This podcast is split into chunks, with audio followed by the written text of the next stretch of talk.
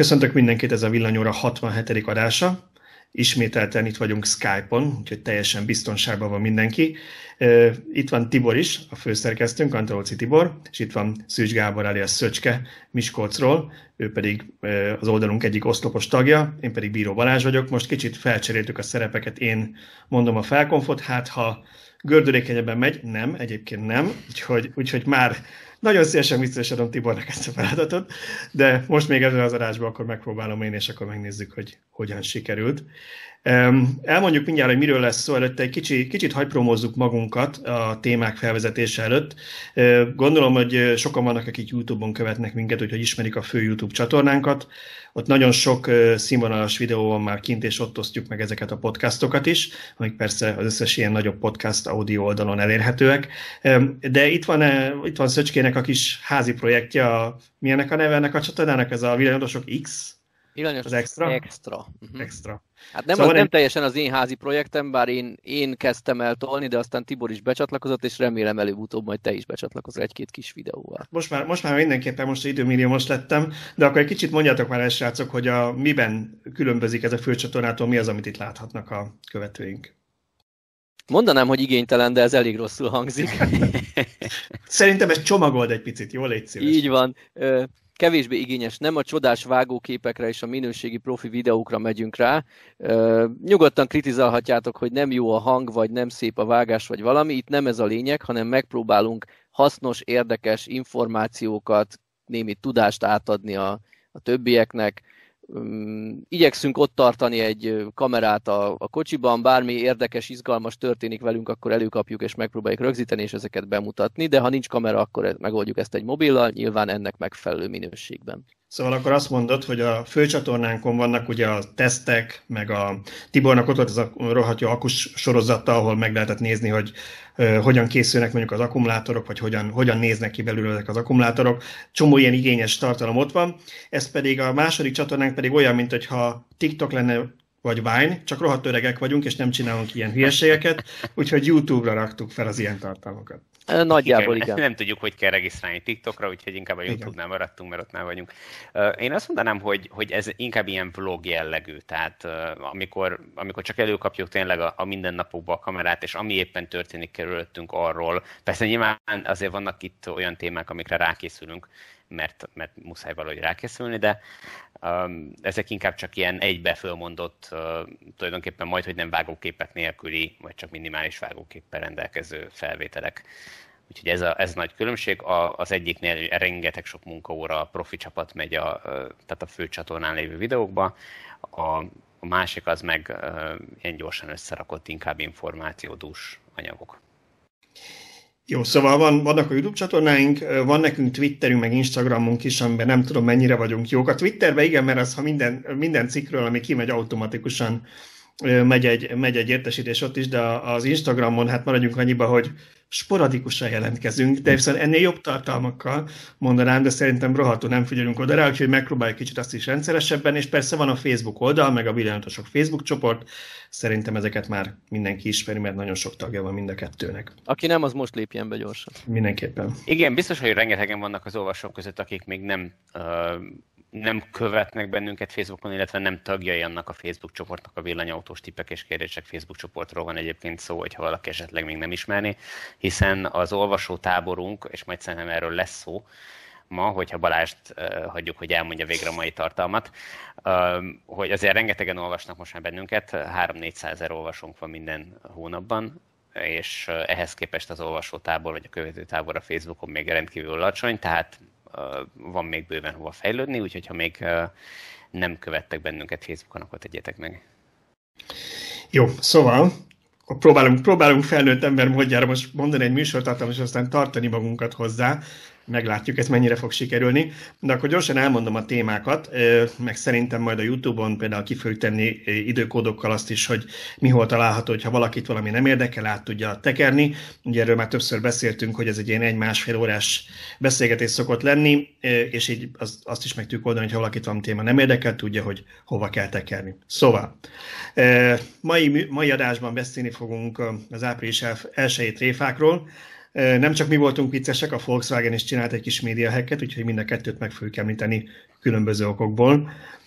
Aztán, ahogy Tibor már említette, beszélni fogunk az olvasóinkról, mégpedig azért, mert csináltunk egy felmérést, hogy kicsit megismerjük, hogy kik, kik olvasnak minket, és szerintem nagyon sok érdekes adat van benne. Ígérem, hogy nem csak százalékok fognak röpködni, hanem szerintem picit meg tudjuk világítani, ki az, aki minket olvas, és talán ez az olvasóinknak is érdekes lehet.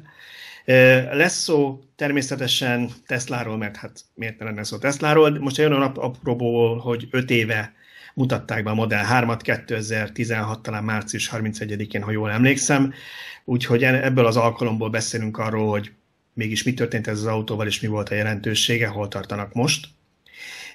Utána van egy olyan szegmensünk, ahol eredetileg három autóról akartunk beszélni, és szerintem ebből már öt lett, ugyanis több új autót jelentettek most be, és többnek ára is van már végre, úgyhogy szó lesz a legkisebb akkumulátoros ID3-ról, Volkswagen ID3-ról, ami végre már elérhető a magyar piacon, a Volkswagen ID4-ről, Tibor tesztelte a, a Citroen EC4-et, tehát arról őt akarom majd kicsit faggatni, meséljen nekünk arról, hogy a leír, leírtakon túl mit tapasztalt az autó, mi az, ami neki tetszett vagy nem tetszett.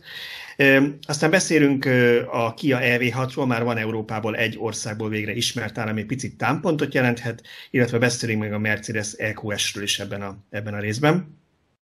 Utána pedig ö, fogunk beszélni kicsit az új EU-s támogatásról a megújuló energiák kapcsán.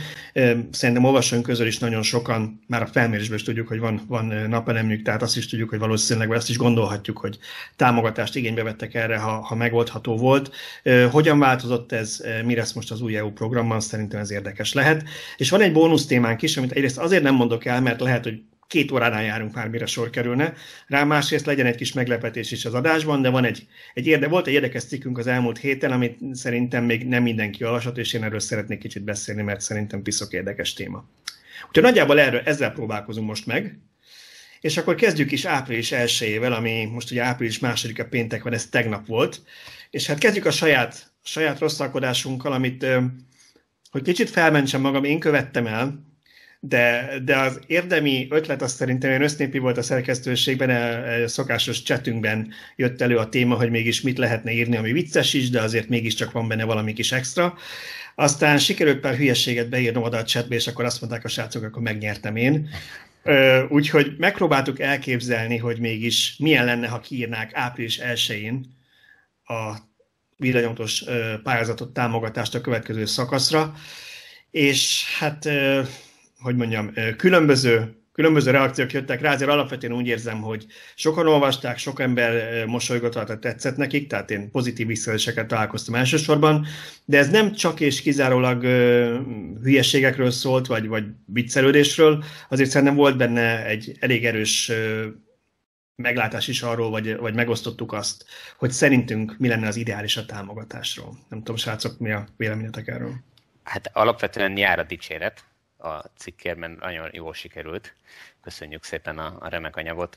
Nekem egész nap tegnap csörgött a telefonom, meg pittyeget jöttek az üzenetek különböző importőröktől, meg kereskedőktől, hogy... Annyira szégyellem magam, bocsánat. Nem gondoltam, hogy ekkora hatása lesz. De nagyon, te, bocsánat, szerintem szenzációsan jól sikerült. Nagyon sokan, amikor csak így először átfutották, simán bevették a, a hogy, hogy tényleg valós pályázati kiírást olvasnak és fölhívtak, hogy, hogy nagyon örültek, hogy na, végre valami értelmes született, értelmes kiírás született, aztán elszontyolodtak, ahogy a cikk végére értek, hogy, hogy hát ez csak egy áprilisi tréfa volt, de uh, mindez jól mutatja, hogy jól volt felépítve az anyag, és, uh, és egyszerre volt kritika a rendszernek, egyszerre volt uh, egy, egy javaslat a rendszer felé, és hát uh, nyilván egy kis túlzással, uh, hogy mondjam, egy ilyen, egy ilyen fricska is, hogy hát uh, na, uh, nem szabad túlzásokba esni, és nem szabad uh, elrontani egy ilyen kiírást. Tehát vigyázni kell a igen, mindjárt át is adnám Szöcskének a szót, mert, mert egyébként ő, ő azon túl, hogy ő mosolygott egy-két poénon benne, ezt tudom, de még nem hallottam a, a véleményét ugye az, alap, az alapsztoriról.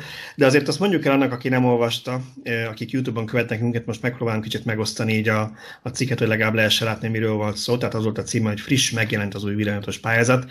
Április 1-én emberek, tehát azért ennyire, ennyire mindenki gyanakodjon április 1 valami ilyesmit olvas, mert azért talán minden, minden hivatalnak lenne hogy érzek, hogy nem pont április 1 tesz egy nagy bejelentést.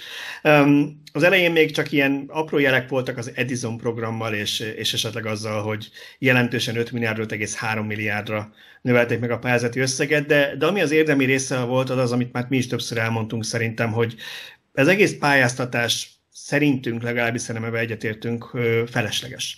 Tehát pályáztatni ott szükséges, ahol mondjuk szociális alapon el kell valamit bírálni. Tehát kell egy ügyintéző, aki megfelelő jogszabályok vagy a kiírás szerint elbírálja, hogy valaki megérdemel valamit, vagy nem, jogosult rá, vagy nem.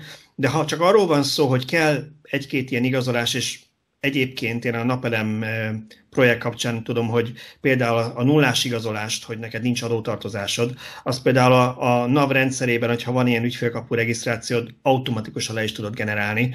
Tehát ténylegesen ezek rögtön beszerezhető információk. Tehát ha csak ilyet csekkol a rendszer, akkor tök felesleges eh, pályáztatni, teljesen felesleges eh, ezzel az időt húzni, meg embereknek ezzel munkát adni, sokkal értelmesebb munkát tudnának csinálni lenne erre egyszerűbb megoldás, és mi itt azt javasoltuk, hogy már Tibor is többször szerintem elmondott, hogy tessék egy olyan rendszert csinálni, egy olyan online portált, ahol a kereskedések, tehát az a 200-300 pont, ahol az emberek autót vásárolnak, ők hozzáférnek, ők látják, hogy mennyi a keret, leelnőrzik azt a pár alap dolgot, ami, ami kell, hogy az embernek legyen mondjuk rá jogosultsága, és utána meg tudja, meg tudja rendelni az autót a delikvens, és nem kell pályázgatni, meg nem kell, nem tudom én, 2000 pályázatot feldolgozni a minisztériumnak három nap alatt.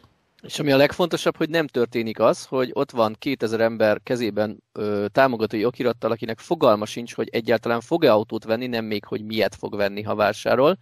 És ezzel szemben ott van néhány ezer autó, vagy nem tudom, néhány száz talán csak, amelyik áll a kereskedésekben, és várja, hogy jöjjön egy vevő, és ez a két kör nem találkozik, az autók állnak, aki autót vennem nem tud pályázni, mert pont lemaradt a másfél pályázatról, akinek meg ott a támogató jogirata, az közben rájött, hogy amúgy ő nem is annyira akar autót venni, csak pályázott, hogy nehogy lemaradjon.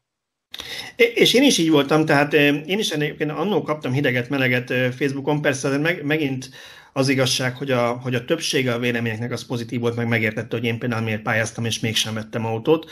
De én is úgy voltam vele, hogy gondoltam, hogy nagyon hamar el fog fogyni a pénz, viszont nem lehetett tudni, hogy milyen jó ajánlatokkal fognak még előrukkolni a kereskedések, akár esetleg még a pályázati idő vége felé, ugye nagyjából mindenkinek 90 kötőjel 180 napja volt, attól függ, hogy értelmezzük a kiírást, mert elvileg 90 napod van megrendelni, de igazából van egy kis türelmidő, tehát Automatikusan úgy, meghosszabbodott még 90 Valami, valami ilyesmi, igen, úgyhogy úgy, úgy voltam vele, hogy valószínűleg, valószínűleg a vége felé még lesznek ajánlatok, és hát ha, hát ha befér egy-két nagyobb akkumulátoros tesztautó a 11 milliós keret alá, nem fér be, ezt is megértem, mert a forint árfolyama közben elment messzi-messzi tájakra, nyilván a kereskedése tud mindent elengedni.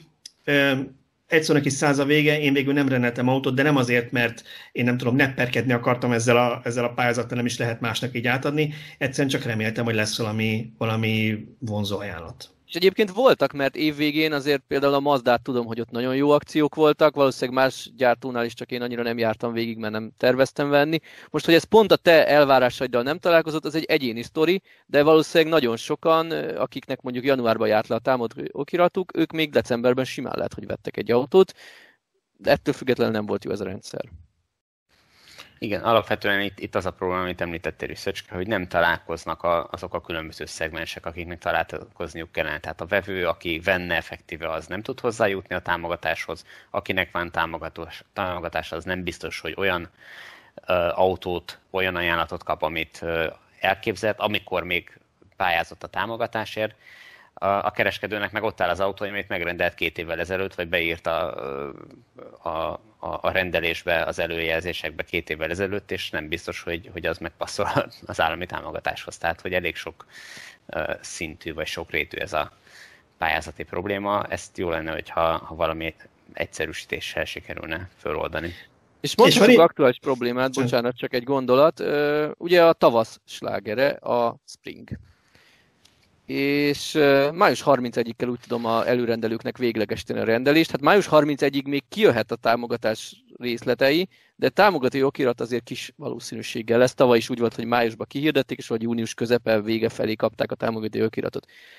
És abban nem lehetett korábban szerződni. Tehát most, ha valaki előrendelte tavaly a Dacia Springet, most május 31-ig aláírná a szerződést, ha megkaphatja, mondjuk a tavalyi feltételekből kiindulva 4 millióért. De fogalma se lesz, hogy megkaphatja-e, tehát most ő ott van, hogy 6,5 ér nem akarom az autót, 4 ér vinném, május 31-ig szerződnöm kell, hogy idén szállítsák, de akkor most mit csináljak?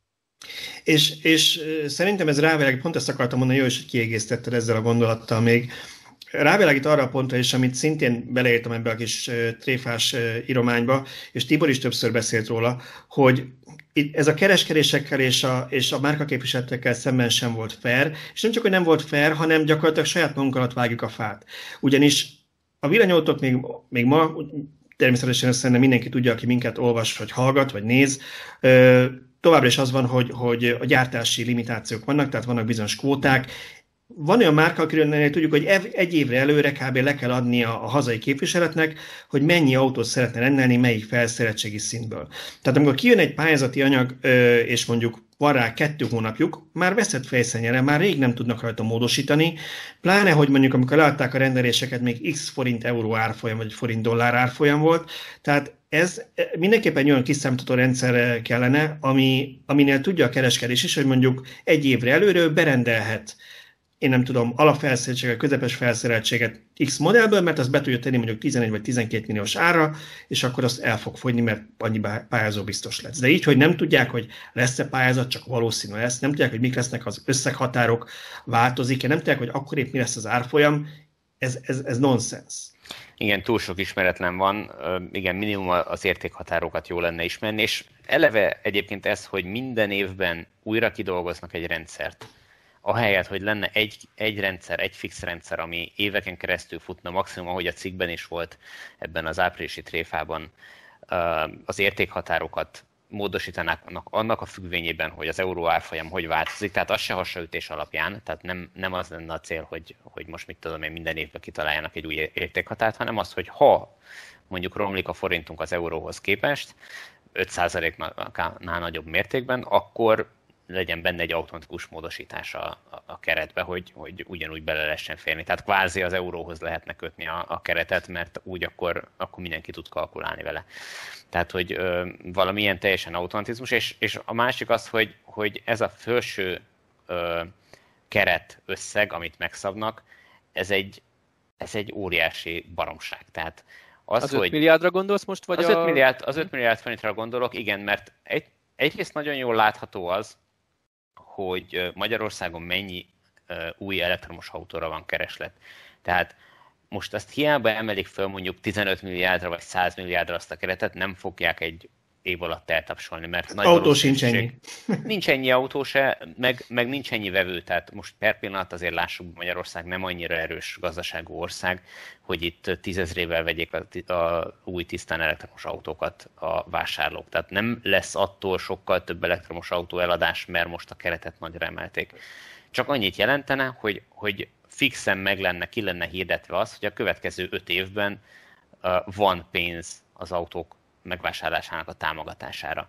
Csak ennyiről ez csak, együtt, az egész. ez csak együtt működhet, bocsáss meg, mert hogyha a régi rendszerben emelik háromszorosára a keretet, akkor nyilván nem a másfél nap helyett négy és fél nap alatt, de mondjuk egy hónap alatt ugyanúgy elő fogják gyezni a keretet. Nyilván. Pontosan. Aztán majd az ő egyharmaduk vagy tizedük vesz autót, az megy másik sztori. Igen, igen, pontosan, de ezt, ezt egy teljesen automatizált, nem pályázatos rendszerre kell, és ugye visszautalva még arra, hogy, hogy, hogy hol érdemes a pályázatokat csinálni. Pályázatokat ott érdemes hirdetni, ahol a, ahol nem ö, megfelel, nem felel meg jellegű ö, döntések születhetnek, hanem sorba kell valami kritériumok alapján rakni azt, hogy ki az, aki megfelelhet, és az első száznak jut támogatás, a, a, a következő 300-nak meg nem. De itt nem arról van szó, így gyakorlatilag néhány paraméternek, ha megfelelsz magyar állampolgár, vagy Magyarországon letelepedett cég, vagy nincs adótartozásod, és a de minimis keretedet még nem használtad el, ha ezek stimmelnek, akkor akkor nincs mese, akkor meg kell adják ezt, a, ezt az állami támogatást. Tehát ez nem egy pályázatos díj, tehát ez nem egy olyan, hogy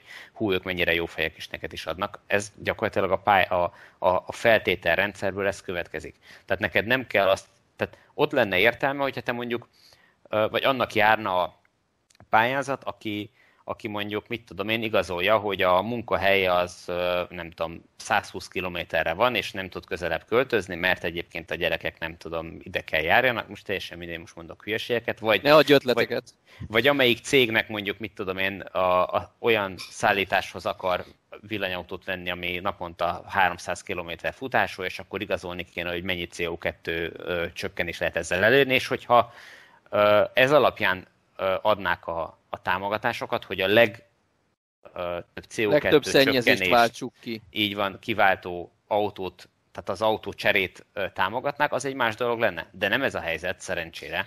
Igen, és már csak azért sem adjunk ilyen ötleteket, mert, mert ugye ez, az, és, és pont szerintem Tibor lenne az utolsó, aki ezt, ezt szeretné, mert hogy ugye arról többször beszéltünk, hogy a városokban lévő szennyezés az igazi fő probléma. Nem arról van szó, hogy aki vidéken lakik, lásd, Szöcske, vagy most már én is, sőt, tehát végülis Tibor, te se a fővárosban laksz, hogy gyakorlatilag nem, nem, nem arról beszélünk, hogy aki vidéken lakik, az, az, az, az tök mindegy milyen levegőt szíve, hanem ahol mondjuk egy helyen lakik rengeteg ember, és, és ott is dolgoznak, és ott pöfékelnek az autók, ott, ott sokkal nagyobb ez a szennyezés per fő, vagy sokkal, sokkal nagyobb az egészség következménye, mint hogyha mondjuk eloszlik egy, egy országúton, vagy egy országút mellett. Tehát nem erről van szó, hogy arról van szó, hogy nyugodt, tehát nyugodtan például a, a városi ilyen futár kisautókat, vagy, vagy ilyen kis furgonokat, amiket a UPS, DHL és a társaik használnak, azokra is tök jó lenne, ha lecserélnék villanyosra, és tudunk is ilyen projektekről. Szóval egy szónak is száz nem, nem ezt akarjuk, hogy ezt, hogy ezt vegyék ki belőle, hanem, hanem arról van szó, hogy, hogy ugye ez nem, nem, nem egy roncs prémium például, bár még egy roncs prémium is, is azt mondom, hogy, hogy ami nem lenne megint csak egy hülyeség kiegészítő elemként, hogyha mondjuk valaki tíz évne idősebb autót ad le, vagy, vagy nem tudom, euró nem tudom négynél régebbi fogalma nincs valami, valamit meghúznák vala határt, régebbi motorautót, akkor arra jár valami plusz pénz. Tehát, tehát már csak ezért is felesleges itt pályázgatni. De van itt még egy dolog, amire Szöcske utalt, és nem menjünk el mellette, az pedig a sávok. Tehát ezek a különböző, különböző ártámogatási sávok az autó értékétől függően. Én ennek alapvetően híve vagyok, mert, mert szerintem itt, itt működhet az, hogy, hogy próbáljuk kicsit favorizálni azt, hogy az olcsóbb autókat, vagy a szerényebb pénztárcájukat jobban támogatjuk az, hogy az olcsóbb autókra még több támogatást adunk. Csak ezeket úgy kell megszemleni ezeket a sávokat, hogy reális legyen. Tehát valószínűleg a magyar kereskedés sem, sem kapja külföldről olcsóban az autót, mint mondjuk a német, a németek mégsem azt mondták, hogy 10 milliónál húzzák meg a határt, vagy 11 milliónál, hanem van azt hiszem 40 ezer, meg 60 ezer eurós, ha jól emlékszem, változott a változott két kategóriájuk, és akkor ebben nagyjából tudják, hogy mi fér bele. Tehát én mindig azt szoktam mondani, hogy nekem személyes érintettség révén is azt mondom, hogy nem az a gondom, hogy mondjuk a Tesla-ra nincs támogatás, mert ne, mondják, az egy prémium márka, nem lehet nevesíteni, de valahogy körülírjuk, hogy mondjuk a nagyon drága autók ne férjenek bele. Na de ha valaki vesz egy koreai Hyundai, Kia, vagy egy, vagy egy Volkswagen ID3, amiről úgyis nem sokára beszélünk, tehát egy ilyen mainstream golf kategóriája, vagy annál kicsit nagyobb, vagy nagyobb az SUV változata ö, autót, az nem egy luxus autó, az nem egy új gazdag, aki az EQS Mercedes-ét szeretné az adóvezetők nehezen, adóvezetők nehezen megkeresett pénzén megvásárolni. Ne tegyünk már úgy, mint hogyha, mint hogyha itt ö, tényleg milliárdosokat támogatnánk a villanyautós ö, keretből. És ne legyen, ne legyen az, hogy mondjuk a legfapadosabb, legkisebb akus, mindent kihagyok belőle, modell épp becsúszik 14 millió 999-re, de már nem vehetem meg 15 millió 800 ezerért a, nem tudom, vezetés támogató rendszert, vagy egy egyel nagyobb akut 16 félért, tehát ez sem egy szerencsés megoldás. Ha jól Ezért tudom, a németeknél, a németeknél az autó alapára a lényeg, tehát hogyha te rendelsz bele valamilyen extrát, az, ha jól tudom, majd kijavítanak minket, ha rosszul tudom, az nem számít bele így a keretbe. Kicsit ez is parás egyébként, mert lehet, hogy Németországban ott szabálytisztelők, és ott, ott elég kiírni a pokolban a kondér mellé, hogy tilos kimászni, és akkor senki se jön ki. Magyarországon azért engem nem lepne meg, hogyha ez úgy működne, hogyha ha azt mondanák, hogy 10 milliónál be kell férjen egy alapmodell, akkor hirtelen sok gyártónál megjelenne egy ilyen plakátmodell, amit valójában nem lehet megkapni, mert tényleg ilyen Freddy Béni hajtású lenne, de lenne egy 9 millió 99-es, valójában mindenki a 18 millióst venné, mert, mert az, az egy ilyen, azt mondanák, hogy három év a rendelési idő, vagy akármi, valamivel terelgetnének, de ezzel becsúsznának a támogatás elő, úgyhogy ezzel is óvatosan kell bánni, hogy ne játsszák ki az emberek, ez, de a gondolat jó. Ez reális, de egyébként csak, hogy mondjak, mondjak azért pillanatban, mert ugye én ténylegesen tudom, egyfajta szabadkozok, hogy én tényleg akartam autót venni, tényleg akartam autót venni, és én jártam kereskedésekbe. Ajánlatot kértem, autókat néztem, kipróbáltam, azon hogy teszteltem az oldalnak is, még úgy külön privátba is, És én például csomószor volt olyan választás előtt voltam, hogy hát egy-két extra belefér, vagy lehet, hogy már nem fér bele semmi, és nincsen mondjuk olyan biztonsági felszerelés, ami, vagy van egy biztonsági felszerelés, nem tudok megvenni, mert nem fér bele a keretbe. Tehát nehogy már az legyen, hogy mondjuk a, a, a 10 milliós vagy 14 milliós autókban ne legyen biztonsági felszerelés, vagy ne legyen egy olyan dolog, amely megelőzhet egy balesetet, mert akkor nem jár rá támogatás, és akkor mindenki inkább a támogatást választja. Hát gyakorlatilag ezért nem vettél autót, ugye? Mert mondjuk Niro, Niro, Niro teszteltél, a nagyakus Niro-t azt valószínűleg megvetted volna, ha jár rá a támogatás. Még nem is feltétlenül a tényleg a fullos technocsomaggal akármivel, de egy olyan átlagosan felszerelt nagyakust megvettél volna. Viszont csak a kis akus falpadosra járta, két és fél millió, az meg inkább nem kell. Igen, tehát ö, én azt vetném fel, hogy mi, le, mi van akkor, hogyha ha fix összegű támogatás jár, ami ugye hogy a drága autóknál egy sok arányaiban egy sokkal kisebb arányú támogatást jelent. Tehát, hogyha mondjuk mit tudom, adnak egy millió forintot, vagy adnak másfél millió forintot, hogy a korábbi rendszerre volt, az mondjuk egy 20 milliós Tesla árában, hát azt mondom, hogy, hogy ellenyésző, azért a full set diving csomagot se adják ide azért az összegér. Egy, mit tudom én, 6 milliós Dacia Springnél meg az, az autó árának a negyede is lehet, tehát hogy ott egy sokkal jelentősebb tétel. Mi lenne, hogyha hát, ez lenne? Még ebbe is van valami. Ebbe is van ja, valami. a fix összeggel megvalósul az az elvárás, hogy az olcsóbb autót jobban támogassuk arányaiban nyilván. És gyakorlatilag, hogyha azt nézzük, a, a társadalmi előny az megvalósul a drága autóval is, sőt, még inkább megvalósul, hogyha úgy nézzük, hiszen a, az az autóvásárló, aki 20 millió forintért vesz mondjuk Tesla Model 3-at, az nagy valószínűséggel korábban egy, egy nagy dízelautót használt, aminek a kibocsátása sokkal jelentősebb volt, mint mondjuk annak a, nem tudom, Suzuki-nak vagy Dacia-nak a, a, a kibocsátása, amit a Springgel mondjuk le fognak cserélni. és, és, és ez, ez, egy, de, de, de, de ez egy fontos, lehet fontos dolgot mondasz, mert ugye alapvetően, kö, én, én már múltkor is beszéltünk erről, hogy külön kell választani mondjuk egy szociális támogatást, amit mondjuk egy nagy családosok kapnak, hogy, hogy sok gyerekkel legyen egy hétszemélyes autójuk, az egy tök jó dolog, de ez egy teljesen más történet, hogy környezetvédelmi megfontolásból szeretnénk támogatni az elektromos autókat.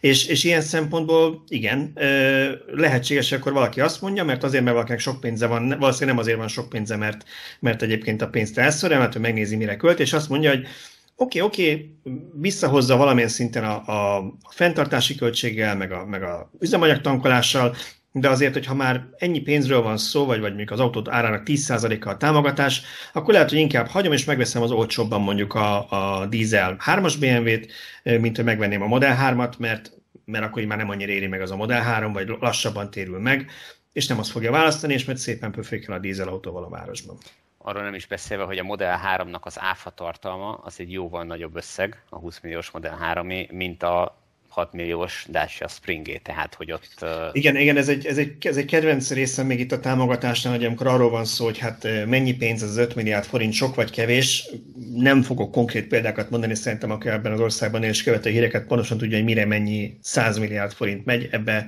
be lehet illeszteni, hogy ez az 5 milliárd forint sok vagy kevés, de ha csak arra gondolunk, hogy 27% az áfa, a legtöbb autónál, vagy sőt, hát szerintem ez a 2,5 millió forint az autóknál nem érte el az áfa tartalmat. Tehát igazából az állam nem támogatást ad, hanem lemond egy olyan bevételről, ami nem is biztos, hogy bejött volna, mert mondjuk lehetséges akkor az illető azt mondja, hogy hát akkor én nem veszek, nem veszek új villanyautót, mert nem tudom megengedni magamnak, veszek egy használt valami hibridet vagy benzinest, amit ki tudok fizetni, mondjuk akkor veszek egy jobban, veszek, veszek egy használt BMW-t, mert az inkább mégis egy ilyen fancy luxusautó.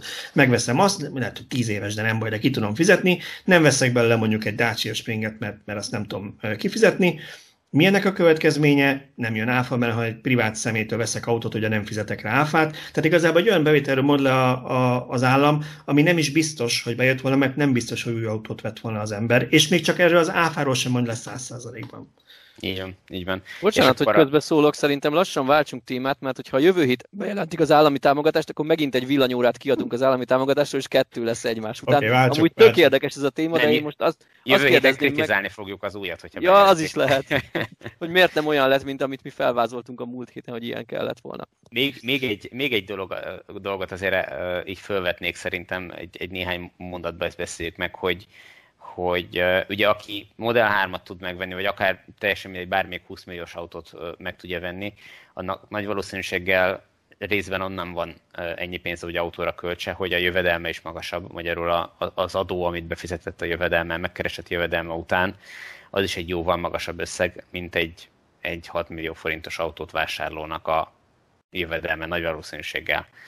Úgyhogy uh, itt, itt fölmerül az a kérdés is, hogy mi lenne akkor, hogyha olyan rendszert vezetnénk, mint Amerikában is van, hogy a, az adóból lehet levonni a támogatást.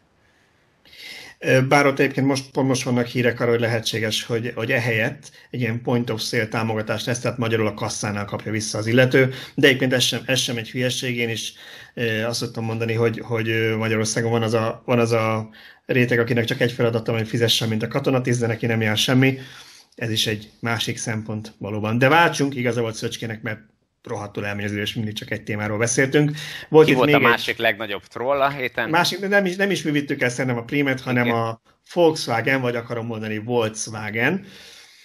Szerintem már mindenki ezért a hír, hogy felröppent, hogy a Volkswagen az amerikai lányváltat átnevezi Volkswagennek, aztán később kicsit finomodott, hogy nem is átnevezi, csak az lesz az autókra írva, de a cég neve az marad Volkswagen USA, vagy Amerika, vagy mit tudom mi a fene. Um, és hát nyilván a Volkswagen ez egy szójáték, persze lehet mondani, hogy ez a dead joke kategóriája, vagy inkább azt mondanám, hogy az ember még 7 évesen szóvicnek elsüt de azért idősebb korában már kicsit szégyelleni magát, de ugyanakkor figyelem felkeltő lehet, hogy tényleg mutatja, hogy mennyire átalakul a cég. Na erről kiderült, hogy olyan áprilisi téfáról van szó, amit nem is április 1 hanem pár nappal korábban tettek közé, és a Volkswagen meg azt mondta, hogy bocs, csak vicceltünk. Hát ha ezt mondta volna elsőre, akkor oké, de ugye az volt, hogy azért a többség, aki ezt megírta, úgy sejtette, hogy valami, valami nem kerek, azért túl túl furcsa, szokatlan volt. Még az lett volna a durva, hogyha azt mondják, hogy a, az ID-t mostantól Ampernek hívják, de, de elkezdte például a CNBC, nem tudom, egyéb média források, vagy médiumok megkeresték. Hivatalosan nem nyilatkoztak, de név nélkül elmondták, hogy de, de ez igaz, csak véletlenül hamarabb kitettük. Megkeresték itt kezdett a Volkswagen, gáz lenni. Az a, igen. Megkeresték az amerikai Volkswagen vezetőit, ugye? Tehát, hogy, hogy az Igen. ottani kapcsolataikat, vagy kontaktjaikat, akik hivatalosan nem, nem adtak nyilatkozatot, de így elmondták ilyen off the record, tehát, hogy így gyakorlatilag háttérinformációként a riporternek, hogy igazából ez, ez igaz, igen, át fogjuk nevezni a céget. Szerintem itt kezdett gáz lenni a dolog. Alapvetően az ötlet az nagyon jó volt. Ha, ha nem 29-én vagy 30-án teszik ki, akkor, akkor mindenki egy tök jó poénnak hiszi így olyan bizonytalan, volt egy kis bizonytalanság. Ahol én olvastam a legtöbb szájton, ott azért hozzátették, hogy nekünk ez gyanús, hogy áprilisi tréfa. Én is így írtam meg, hogy hát annak tűnik, de a CNBC pedig azt állítja, hogy igaz, mert ő utána járt. Most a CNBC-nek ez biztos cikibb volt, mint nekem, mert én, nekem utólag nem volt gond, gyakorlatilag nem helyesbítő cikket írtak, hanem beigazodott a gyanú, valóban vicc volt. A CNBC, aki váltig bizonygatta, hogy ez bizony igaz, nekik azért ciki lehetett. Ez egy egyszerű, klasszikus médiahack, amit ugye azzal tettek eladhatóvá, hogy nem április 1 amikor mindenki tudja, hogy ez egy tréfa, vagy amikor mindenkinek egyértelmű, hanem néhány nappal korábban tették ki. Egyébként hasonló azért történt Magyarországon is, amikor néhány évvel ezelőtt a Black Friday-t egy hónappal korábban hirdette meg, a, vagy talán vagy egy hónappal korábban, vagy, vagy néhány héttel korábban hirdette meg az egyik, egyik nagy online Mert áruház. Ez, az tréfa? Én úgy látom, hogy évente négyszer, ötször van Black Friday most már. Most már igen, de akkor, akkor ők ezzel gyakorlatilag olyan előnyt szereztek mindenki előtt, tehát hogy, hogy, és valahogy úgy adták ki a, a, a közleményt, hogy az első Black Friday Magyarországon, és az igazából az első Black Friday Magyarországon csak arra vonatkozott, hogy abban az évben ők előrehozott Black Friday-t tartottak, és hogy, hogy így lettek ők elsők a Black Friday-ba, de gyakorlatilag ezzel, hogy első Black Friday és mekkora nagy dolog, ezzel gyakorlatilag az egész médiát uralták nagyon ügyesen.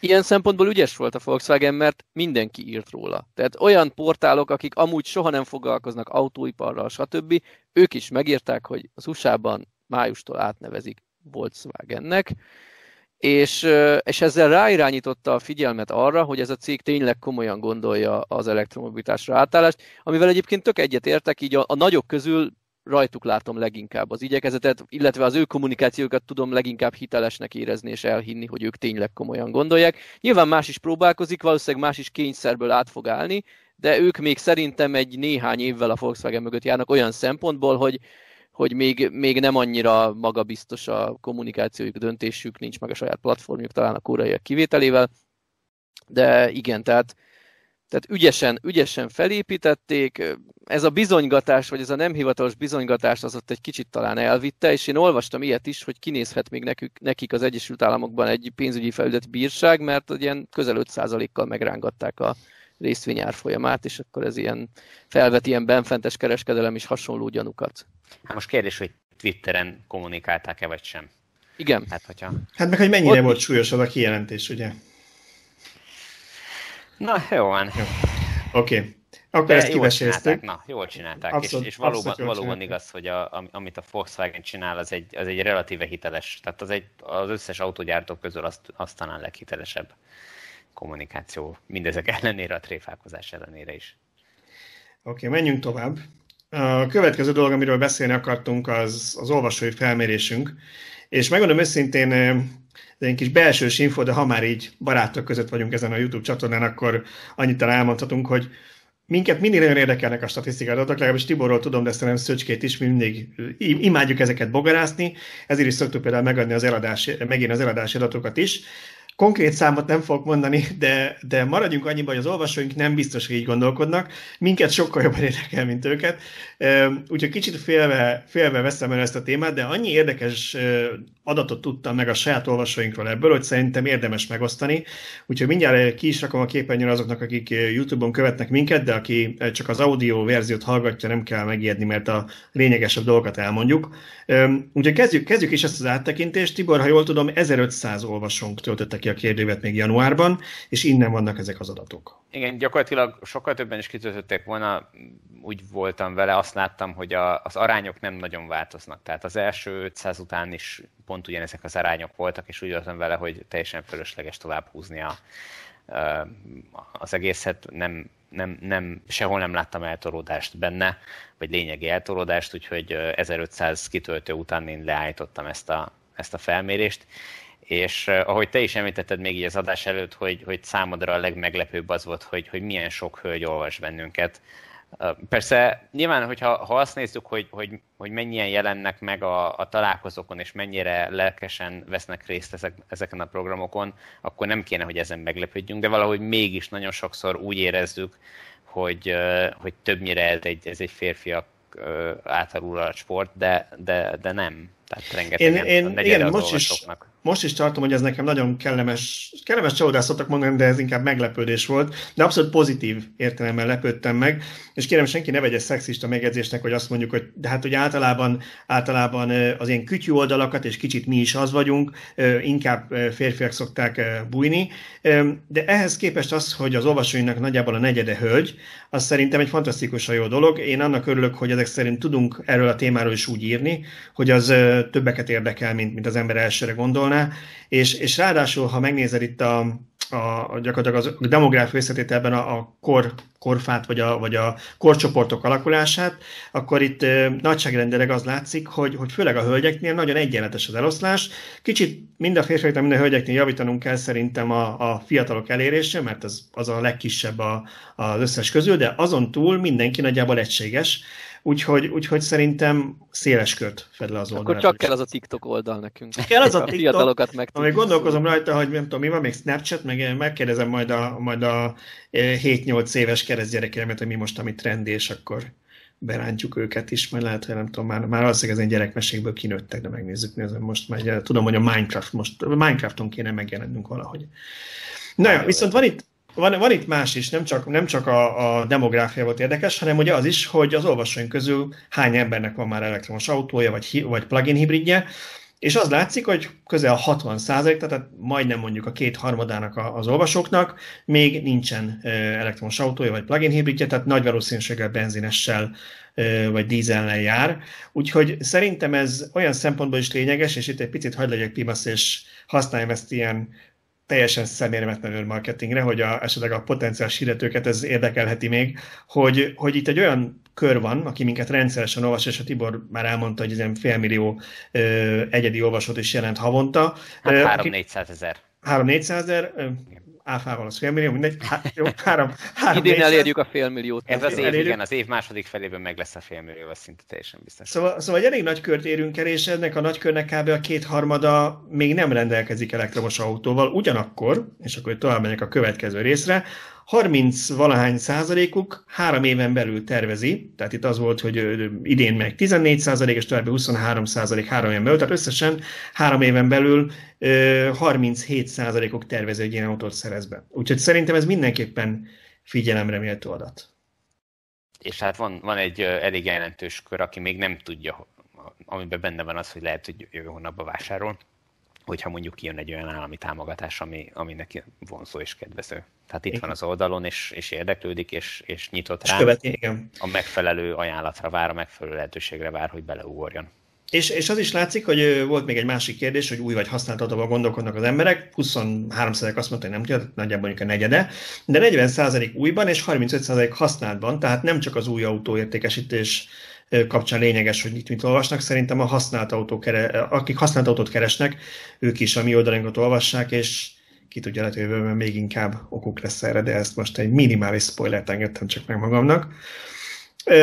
És van még itt egy fontos dolog, erről beszéltünk Szöcskével, mi a Tibor csatlakozott, úgyhogy elnézést kérünk utólag is, mert mindig Tibor leszít minket, hogy hazadás előtt előjük a témákat, aztán nem mondunk semmit ugyanarról, de ígére, ígértem, hogy, hogy de el fogjuk itt ismételni. Szóval, hogy ez egy picit, picit nyilván szűrt kör, tehát én gyanítom, hogy elektromos vagy tölthető autóban azt gondolkodik, aki azért azt már végig gondolta, hogy valahol csak tudja tölteni.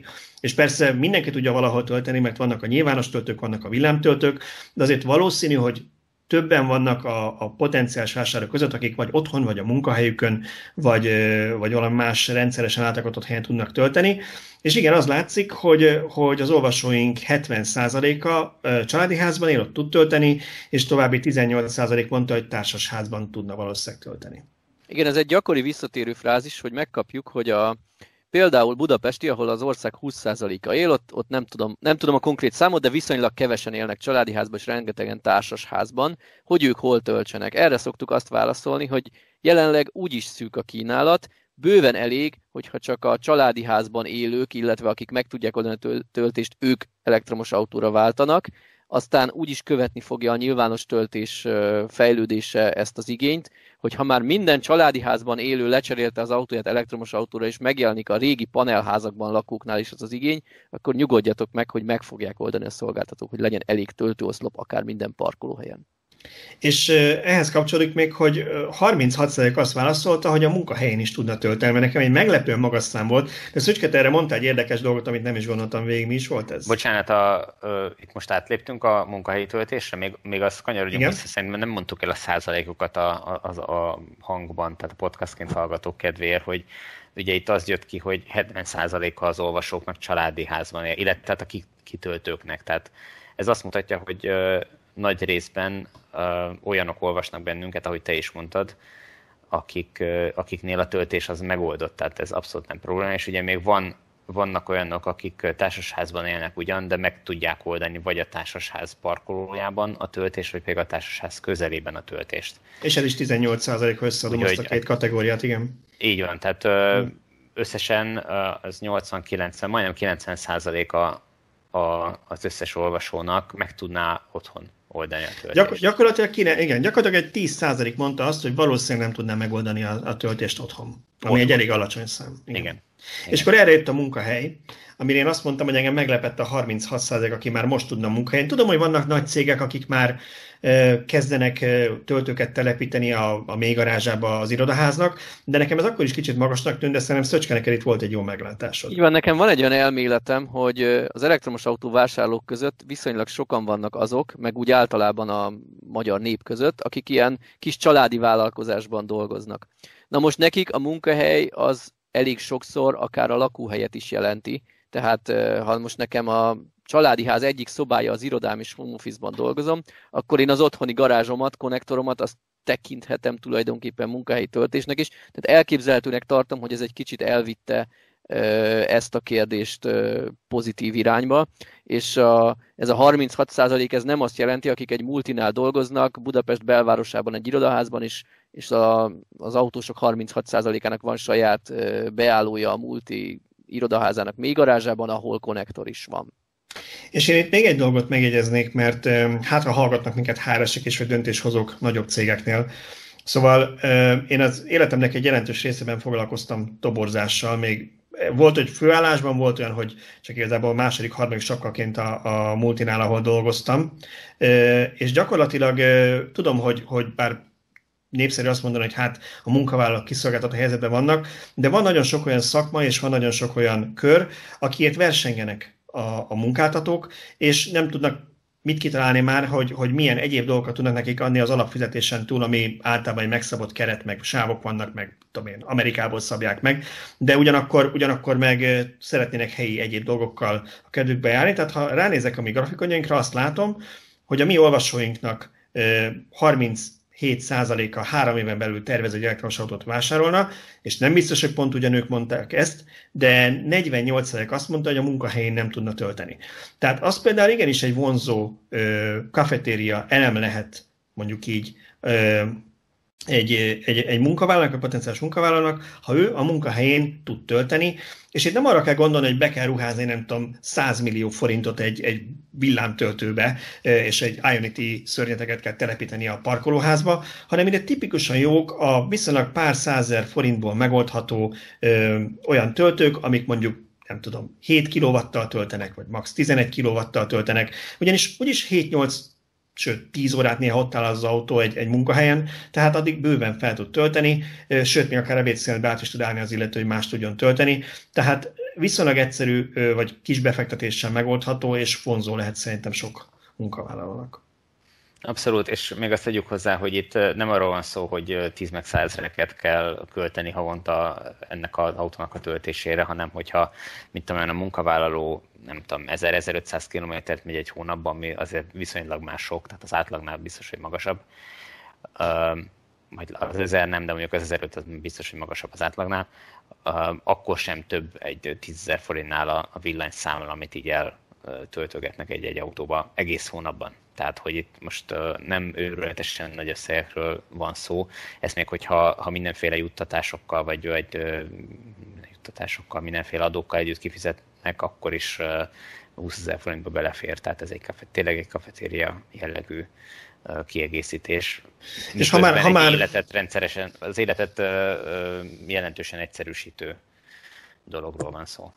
És ha már, ha már tippeket adtunk az állami szerveknek a pályáztatás kapcsán, hogy mi, mi lenne szerintük a jó ötlet, szerintem itt is megemlíthetnénk, hogy az is, az is egy motiválható, vagy motiváló tényező lehetne, nyilvánosabban multiknak, de akár, akár bármilyen vállalkozásnak, hogyha, hogyha mondjuk adómentessé tenni az állam azt, hogyha, hogyha valaki a munkavállalónak töltési lehetőséget biztosít. Tehát most nyilván nem csak arra gondolok, hogy mondjuk a töltőberendezésre nem kell áfát fizetni, mert nyilván azt egy vállalkozás meg tudja hogy elszámolja, de, de azt, azt igenis, hogy mondjuk ne kelljen még plusz adókat fizetni arra, hogy, hogy a munkavállalónak ad valami béren kívül jutatás, hanem azt mondanák, hogy ha teszem azt mondjuk a, a különböző sportrendezvények látogatására megetett oldani a 0%-os adót, akkor akár erre is azt lehetne mondani, hogy 0%-os kulcsot teszünk mondjuk x ideig, vagy addig, amíg bizonyos százalékot nem érnek el a villanyautók, hogy ezzel is, ezzel is próbáljuk motiválni a céget arra, hogy tegyék lehetővé a töltést a munkavállalóknak. Itt, itt én felhívnám a figyelmet egy olyan dologra, amire Tibor az imént utalt múlt héten beszélgettünk arról, hogy egyes cégek már adnak plug-in hibridet céges autónak, talán a benzinkártya helyett vagy mellett adnak egy nyilvános töltőhálózathoz egy ilyen indítókulcsot, hogy, hogy tudjon a cég céges kontóra tölteni a felhasználó vagy az autós.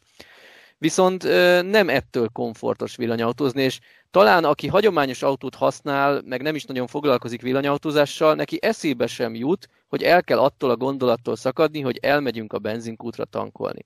Az elektromos autót otthon éjjel, a munkahelyen a napi 8-10 órás parkolás alatt lassan kell tölteni. Nem azért, mert ez tesz jót az akunak, nyilván ez tesz jót az akunak, de most az autóban értem, nem én érte. Nekem az a komfortos, hogy ha én oda megyek az autómhoz a munkaidő végén, akkor tele az aku, és nem kell megállnom se egy percre, se 10 percre, se 20 percre egy benzinkútnál vagy egy villámtöltőnél, hanem nyugodtan hazamegyek, és tök mindegy, hogy milyen távol vagyok, mert azért a mai autók, elektromos autóknak már azért a 200 km körüli hatótáv az, az már a kisebb akuval is egyre inkább jellemző, tehát nem hiszem, hogy sokan járnak 200 kilométerről dolgozni. Ha Igen, a munkahelyemen is feltölt, éjjel is feltölt, akkor gyakorlatilag a nagy látogatásnál vagy a nyaralásnál vagyok nyilvános töltőre utalva, és ez így kényelmes. Igen, tehát nem, nem kell időt szánni arra, vagy időt pazarolni arra, hogy az ember töltse az autót, hanem az autó föltölt addig, ameddig egyébként is áll, hiszen az, a nap nagy részében ezek az autók állnak, tehát hogy hogyha mondjuk egy autó két-három órát megy egy nap, akkor szerintem másokat mondtam. Általános. 49 percnél járunk, úgyhogy szerintem ugorjunk. Ne stresszelj a... bennünket, jó? Légy szíves, még alig járunk ez, valahol. Ez egy bará- baráti megjegyzés volt igazából csak. Figyeljetek, most úgyis ilyen négy napos munkaszünet van, tehát tök jó, hogy négy napig otthon lehet mindenki. Beszéljük végig a négy napot? Ö, igen, gondoltam, hogy adjunk egy kis bónuszt, és akkor maximum úgy csináljuk, hogy a négy nap minden napján kiteszünk egy-egy 30 perces. Ez most pont, hogy mondtad, mint hogyha máskor beleférnénk az egy órába.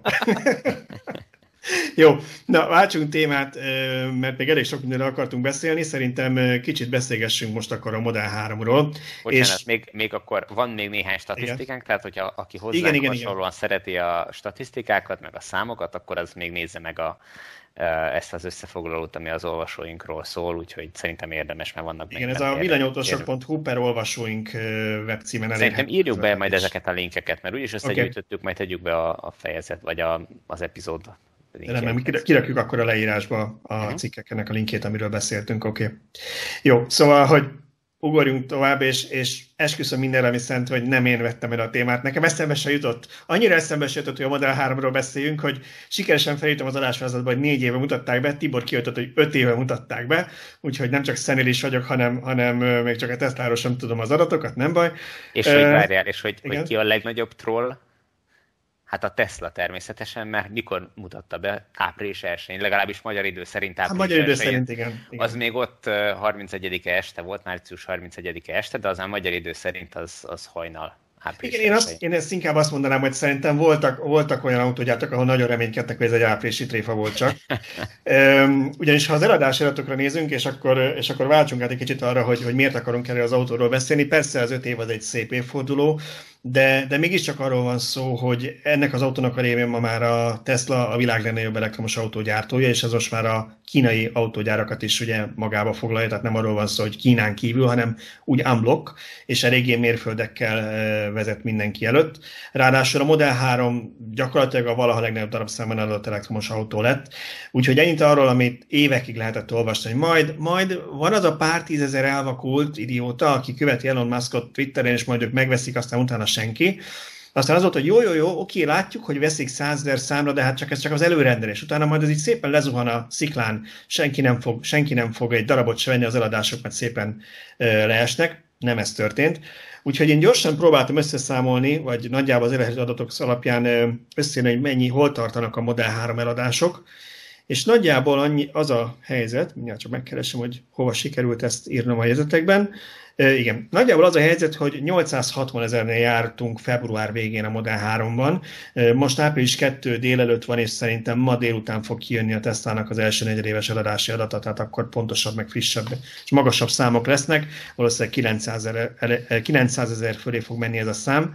Ugye 2017 azt hiszem július 1-én kezdték a kiszállításokat, az első fél évet azt inkább felejtsük el, mert valami 1000-2000 autót sikerült legyártani, tehát igazából 18-tól gyártják mondjuk úgy, hogy nagy mennyiségben, és 2018-tól számítva mostanáig 860 ezer, vagy mondom valószínűleg ma délután már inkább azt mondanák, hogy 900 ezer darabban fogyott ez az autó, és nem, nem arról van szó, hogy az erén elvittek bele fél miatt, aztán pedig zuhan le. Elsőben, vagy hát 18-ban 145 ezer, utána 300 ezer, tavaly pedig 365 ezer fogyott belőle, és ha ez a szám nem növekszik tovább, vagy nem ilyen agresszíven idén, annak egyetlen oka lesz, az pedig a Model Y, ami az első gyártásának első évben nagyjából 80 ezeret, azóta meg összesen még egy olyan hát még szerintem ma délután már szöppen 50 ezeret eladtak, tehát nagyjából az is 100 ezer fölött jár már jócskán, úgyhogy egészen brutális számok ezek a villanyautók eladásait tekintve, de szerintem ez már, ez már nagyjából felveszi a versenyt egy belségesi motoros autó eladásaival is.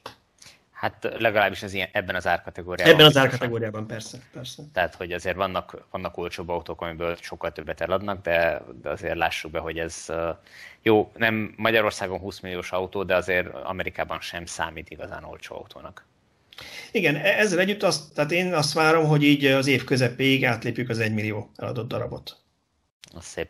Viszont piszok sok ez az öt év, tehát hogyha ha, ha belegondolsz, az egyrészt ö, olyan, mintha tegnap lett volna, tehát nagyon gyorsan eltelt, de a másik oldalon meg való elkeserítő az, hogy annak ellenére el tudták érni ezt a 900 ezeres darabszámot, hogy még mindig nincs Magyarországon Tesla Store. Tehát még mindig nem tudod hivatalosan megvenni. Ja, mert gondolod, ha Magyarországon lenne Tesla Store, akkor két milliónál járnánk? Nincsenek, még mindig nincsenek rászorulva arra, hogy a magyar piacra belépjenek, vagy a román piacra, vagy a lesz, szlovák piacra Lesz Tesla Store, ezt te is tudod, Tibor, mi írtuk meg elsőnek, szerintem április, ha ugye azt tervezik, hogy április 16-án nyílik a Momban a, az első ilyen pop-up store, tehát ez még egy ilyen átmeneti, gyorsan, gyorsan összehozott bolt lesz talán egy autóval, meg bemutatóanyagokkal, de, de ugye beleszólhat a, a járvány miatti lezárásoknak az ütemezése, de valószínűleg áprilisban ténylegesen megnyílik a Monparkban, aztán később lesz majd egy szép nagy boltjuk, meg szervizük. Igen, most már van a szervizük dedikált ember, aki, aki Nyugat-Európában azon szorgosodik, hogy Magyarországon is gördülékeny legyen a nyitás, és ne csak pop-up store legyen, hanem végleges, meg szerviz, meg minden. Én a héten beszéltem vele, ők nagyon rá vannak tapadva, és hogyha nem lenne ez a pandémia, akkor már itt lennének és egyeztetnének, de, de most őket is hátráltatja az, hogy például emberünk Olaszországban van, ahol szinte elég szigorúak a lezárások, nem tud, nem tud kimozdulni se, és hát videokonferencián meg egy új piacot nyitni nem a legegyszerűbb. Igen, azt, azt azért hogy... is, mert egy ilyen üzlet megnyitójához azért illene a helyi teszlásokat összerántani, de hát most ha senki se találkozhat a másikkal, vagy erősen nem ajánlott, akkor azért ne halasztudjon az üzlet megnyitása. Igen, szóval nem, nem egyszerű most a helyzet, de lényeg az, hogy, hogy lesz, lesz uh, store, meg előbb-utóbb lesz uh, szerviz is, és az igazság, hogy ők nagyon figyelnek arra, remélem, hogy ez nem akkora nagy uh, probléma, hogy ezt kikotyogom, de hogy, hogy figyelnek arra, hogy, hogy milyen lesz ez az állami támogatás, és hogyha esetleg olyan sávozás jön ki, amiben ők bele tudnak férni, akkor mindent meg fognak tenni, hogy beleférjenek valamelyik sávba, valamelyik modelljükkel. Tehát ezt ők, ezt ők erősen figyelik, és enge, számomra meglepő volt az, hogy, hogy gyakorlatilag nagyon napra készek voltak azzal kapcsolatban, hogy, hogy milyen volt korábban az állami támogatás Magyarországon, és uh, mik azok a plegykák, amik itt uh, repkednek a, a levegőben mostanival, meg hogy, hogy mennyire, hogy mikorra ígérik, uh, talán csúszik. Szóval, hogy, hogy úgy napra késznek tűntek. Egyébként az abszolút jó, látszik, mert minden országban látszik, hogy a Tesla azért picit igyekszik az állami támogatáshoz igazítani. Tehát Kínában is láttuk, hogy ahogy már megvolt a helyi gyártás, és meg tudták engedni maguknak, rögtön levitték úgy a Model 3 belépő szintű verziónak az árát, hogy beférjen a azt hiszem 300 erőjános valami hasonló határ alá Kínában, németeknél is nem véletlenül körül annyiba. Sőt, hát még a Model 3 emlékszünk volt az a volt az a modelles, ami szoftver limitált volt gyakorlatilag mindenben, csak a német piacra, hogy beférjen az akkori támogatási keret alá, aztán megvásárlás után hirtelen aktiválták a szoftvert, de ez már inkább a trükközés kategóriája volt, de abszolút látszik, hogy minden országban figyelnek arra, hogy beférjenek, hát miért ne figyelnének rá, beférnek a Akkor lehet, hogy lesz, lesz Magyarországon egy 11 millió alá beférő 20 kWh akus Model 3. Azért, azért ezt, hogy mondjam, Ebben ne éljük bele magunkat. Igen, erre mondják, hogy az adóellenőr sem hülye, tehát azért nyilván, nyilván ennyire messzire nem fognak menni, de, de mondjuk olyat el lehet képzelni, mert, mert ez abszolút nem egy irányos dolog, hogy mondjuk azt mondják, és talán volt, vagy van olyan piacon, a mai napig ez van,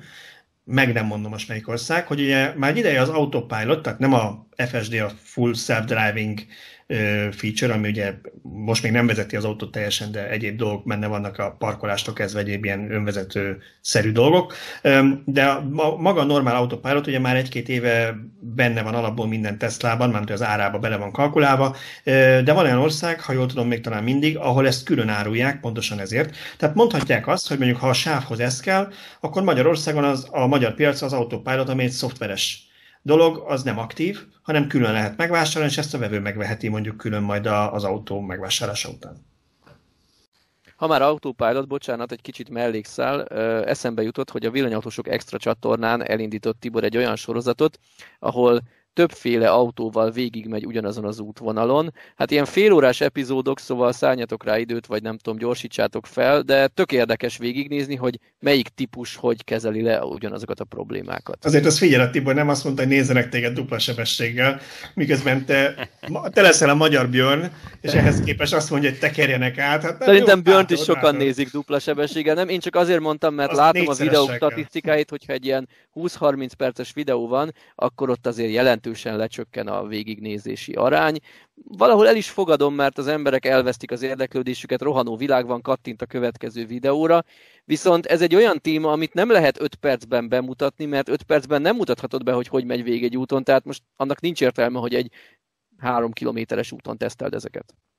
Igen, én próbáltam olyan útszakaszt választani, egy olyan útvonalat kijelölni, amiben vegyesen van mindenféle útszakasz, és gyakorlatilag én úgy gondolom, hogy a videó nagy része folyamatosan tud újdonságokat produkálni, tehát érdemes ebből a szempontból, vagy emiatt is végignézni. Hát sajnos egyelőre még elég lehangoló tud lenni azért a, a, a, tudás.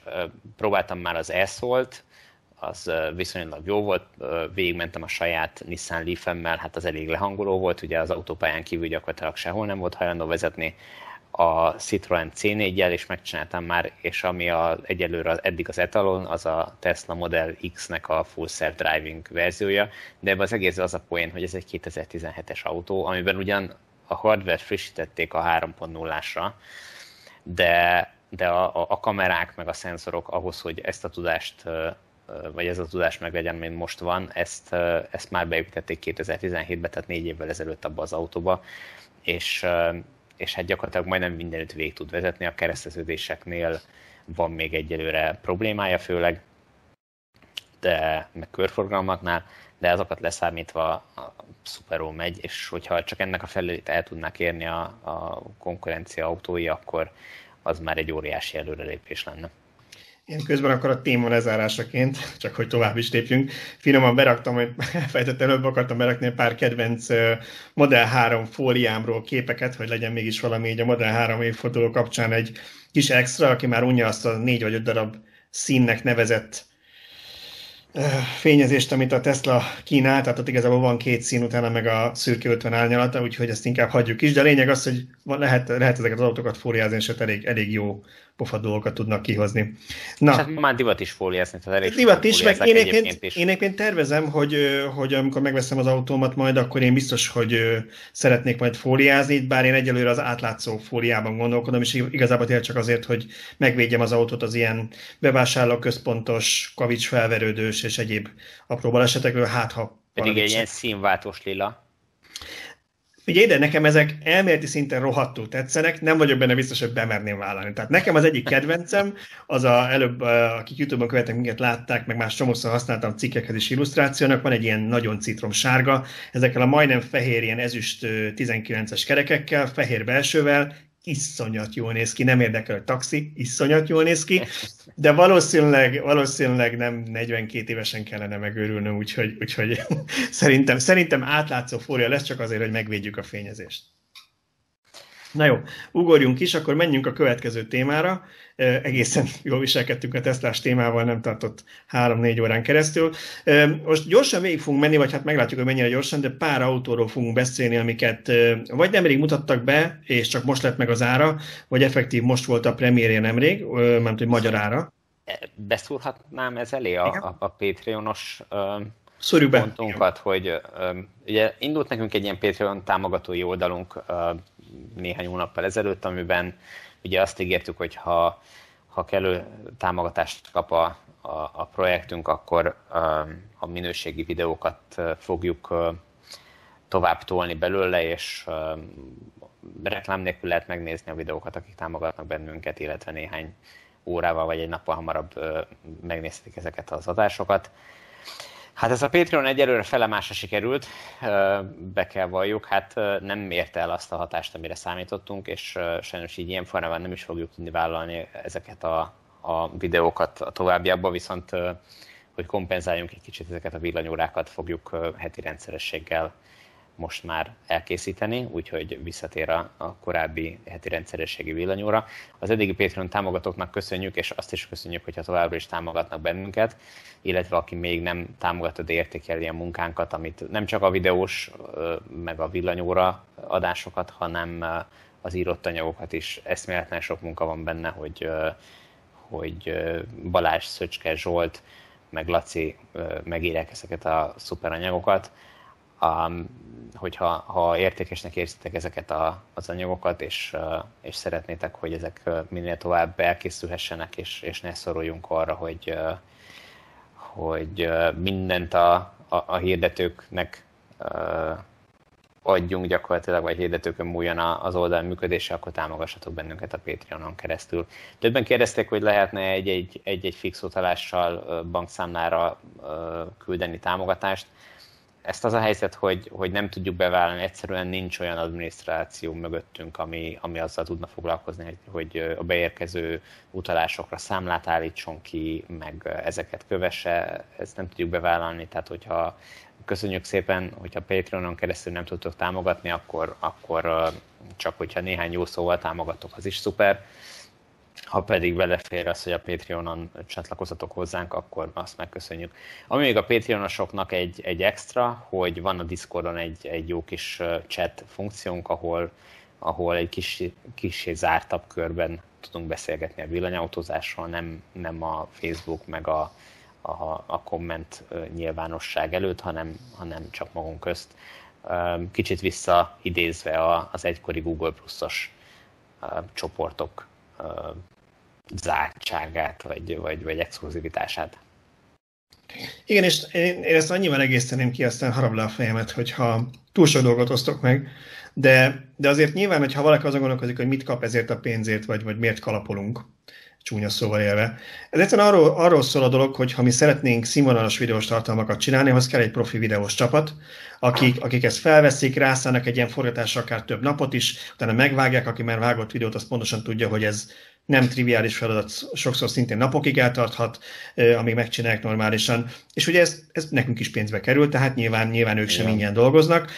Illetve hát, ha rólunk van szó, a, a, a, a mag csapatról, ugye, akik, akik írják a cikkeket, ugye működik ez úgy, hogy mindenki a munkája mellett este 8 és hajnali 2 között írja a cikkeket, és tud, tud ez talán úgy is működni a jövőben egyszer, hogy, hogy full-time-ban, főállásban ezt csinálja, de hát a kettő, kettő között van egy bizonyos anyagi különbség, úgyhogy, úgyhogy innentől kezdve ebben is segít nekünk, hogy akkor több energiánkkal tudunk ebbe belecsapni. Igen, abszolút. Tehát Szöcskének is van főállása mellette. Hát Zsolt most már, most már többé-kevésbé ezzel foglalkozik. Balázsról elárulhatjuk, hogy, hogy most vagy váltás alatt, hogy? Én, hát én konkrétan felmondtam a munkájában két hónapja, tegnap volt, nem, 31-én volt utolsó napom, Úgyhogy én úgy mondom fel a munkahelyemen, hogy nincsen másik főállásom. Most nyilván ezt nem azért, mert Tibor itt a dollármilliókat utalja nekem havonta, hanem azért, mert ezt mindenki tudja, hogy én Tesla-ba elég sokat fektettem, és azért van egy olyan biztonság, hogy meg tudom magamnak engedni, hogy azzal foglalkozom, ami érdekel, még ha ez nem is olyan jövedelmező, mint a korábbi munkám volt, de, de viszont legalább olyan, olyan dolgot töltöm majd az időnevet, ami érdekel, úgyhogy én is próbálok majd a jövőben sokkal többet írni az oldalra, illetve van egy készülő titkos projektünk, amit én már alig várok, hogy a nyilvánosság elé vihessük, úgyhogy remélem, hogy az is hamarosan beindul, és az is elég sok időmet el fogja vinni, már így is vitte, de az üzemeltetése is majd. Úgyhogy erről mind-mind fogunk beszélni, amikor már lehet, és, és igen, én, én például szeretném, hogyha ha, ha ez egy olyan dolog lenne, ami, ami mellett nem kell egy másik felállást találnom, hanem azzal tudok foglalkozni, ami érdekel, meg ami úgy néz ki, hogy pozitív visszajelés az olvasók részéről is.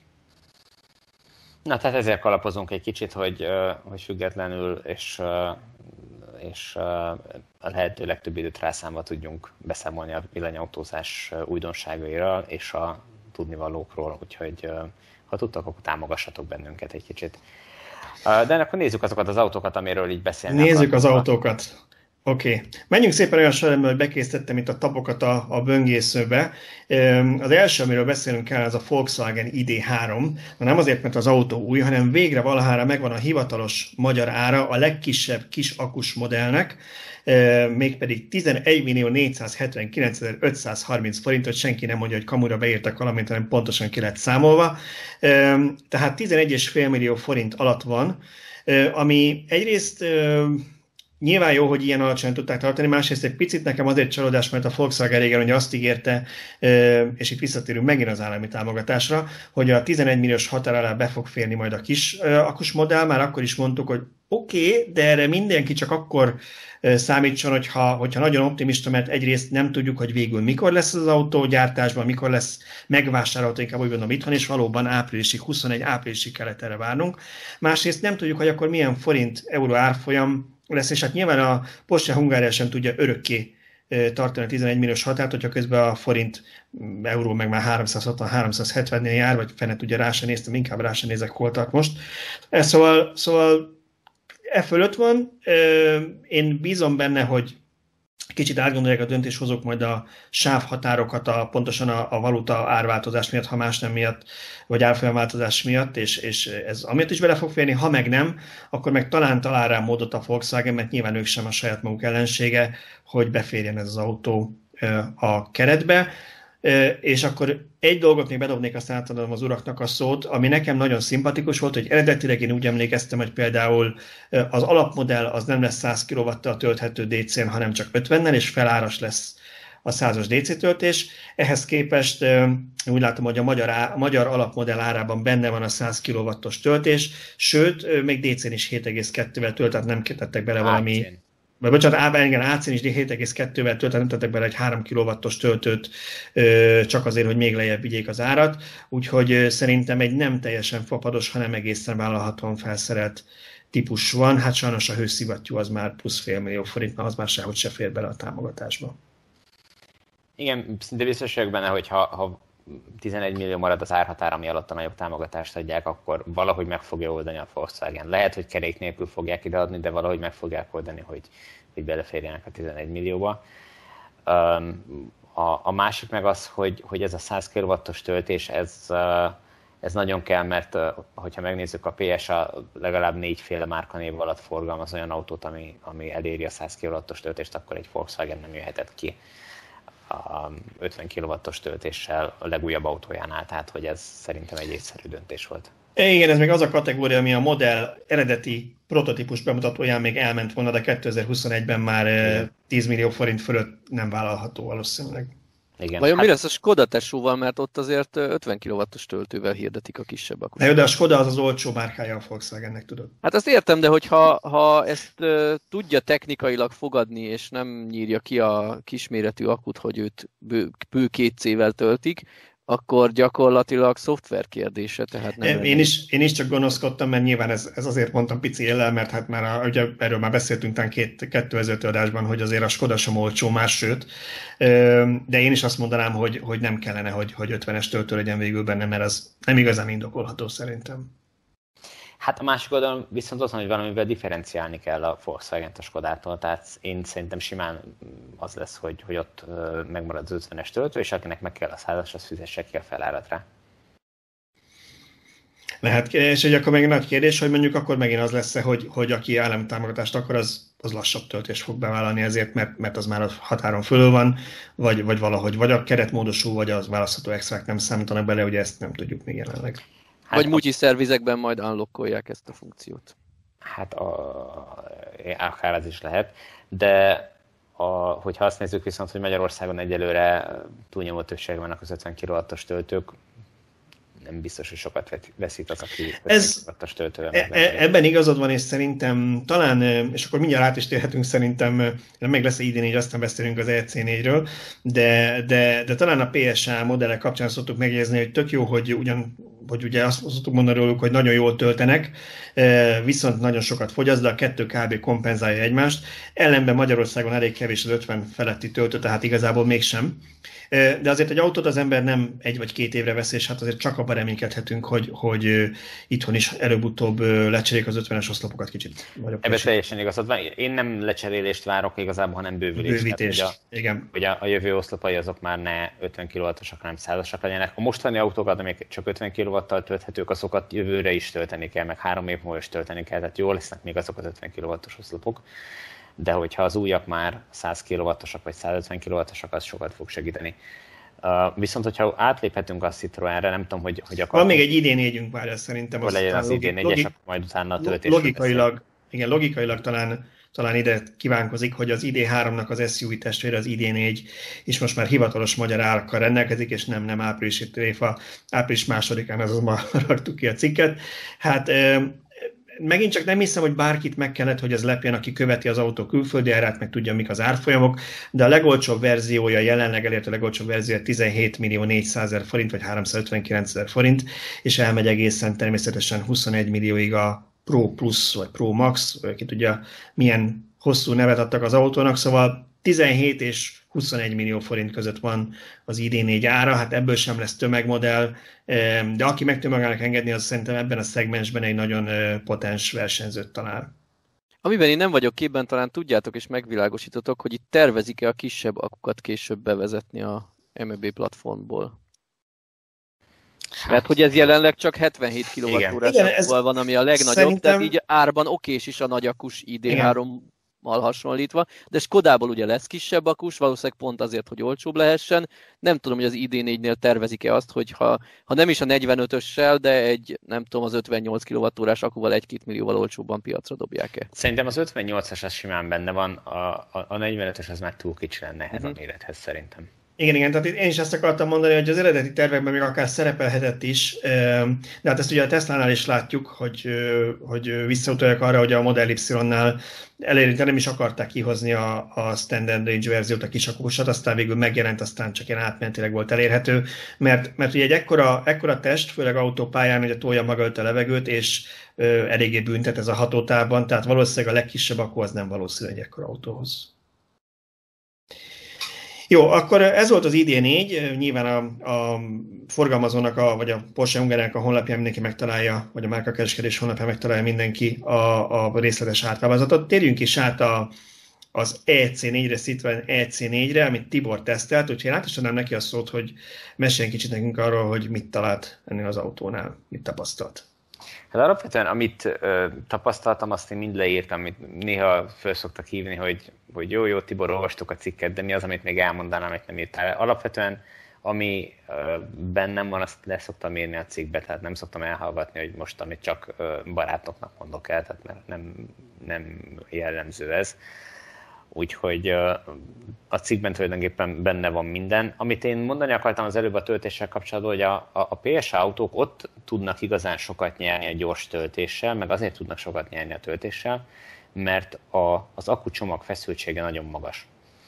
Tehát ennek köszönhetően az 50 kW-os töltőt is már egészen alacsony akkufeszültségnél is, alacsony töltöttségi szintnél is nagyon jól ki tudják használni 50 kW környékén. Tehát például most a, a nem ezt az autót, hanem a, a éppen most nálam lévő Peugeot E Expertet töltöttem úgy, hogy 51,8 kW-tal töltött a, a molnak a, az EFASZEK töltőjén az autó, tehát hogy, hogy bőven 50 kW fölötti töltési teljesítménnyel tudott húzamosan, folyamatosan tölteni. Ugye ez az az autó, ami, vagy ez az a technológia, ami hogyha 75-ös vagy 100-as töltőn töltjük, most ugye Balázs a, a Youtube-on, tehát a videóba berakta a töltési görbét, akkor látszik, hogy, hogy bőven tud 50 kW-nál többel is tölteni, de hogyha 50 kW a maximum, akkor, akkor azt elég sokáig tudja, azt gyakorlatilag a, a, a racionális töltési ablakban ez a 75%-ig való töltésig ezt majdnem tudja, tehát hogy ez, ez, ez így nagyon jó használható, és, és itt kompenzál a, a relatíve magas fogyasztás, vagy, vagy kompenzálja a magas fogyasztást.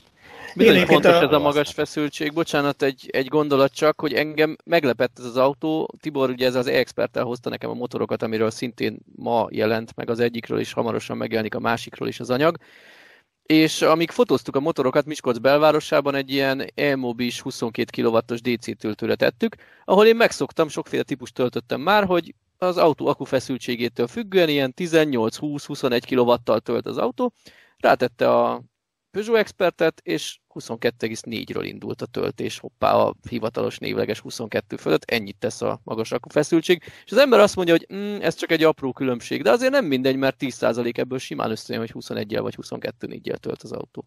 Abszolút, tehát hogyha ha a Leafre visszaemlékszel, a Leafnél az alacsony akufeszültség miatt folyamatosan emelkedik az elején, meg több autónál is így van, emelkedik a, a töltési teljesítmény. Tehát hiába van egy 50, 50 kW-os töltőd, az elején mondjuk csak 40 kW-tal tudsz tölteni. Azért az óriási különbség, hogy, hogy az 50 kW-ot ki tudod a, a töltöttségi szint bármely szakaszába használni, vagy csak Így akkor, van. amikor éppen ideális minden körülmény. Így van, még az általam nagyon, nagyon imádott Ionic is úgy kezdi, hogy ha le van merülve az akku, akkor ha egy 50-es töltőre teszem, akkor 42 kW körül kezd el tölteni, majd eléri az 50-et, de akkor már közel van a 80%-hoz, ahol korlátozni fog. Ezzel szemben egy PS autó, ami igaz, hogy többet fogyaszt, cserében viszont az első pillanattól 50, vagy akár 51 kW-tal tölt, ha a töltő ezt bírja.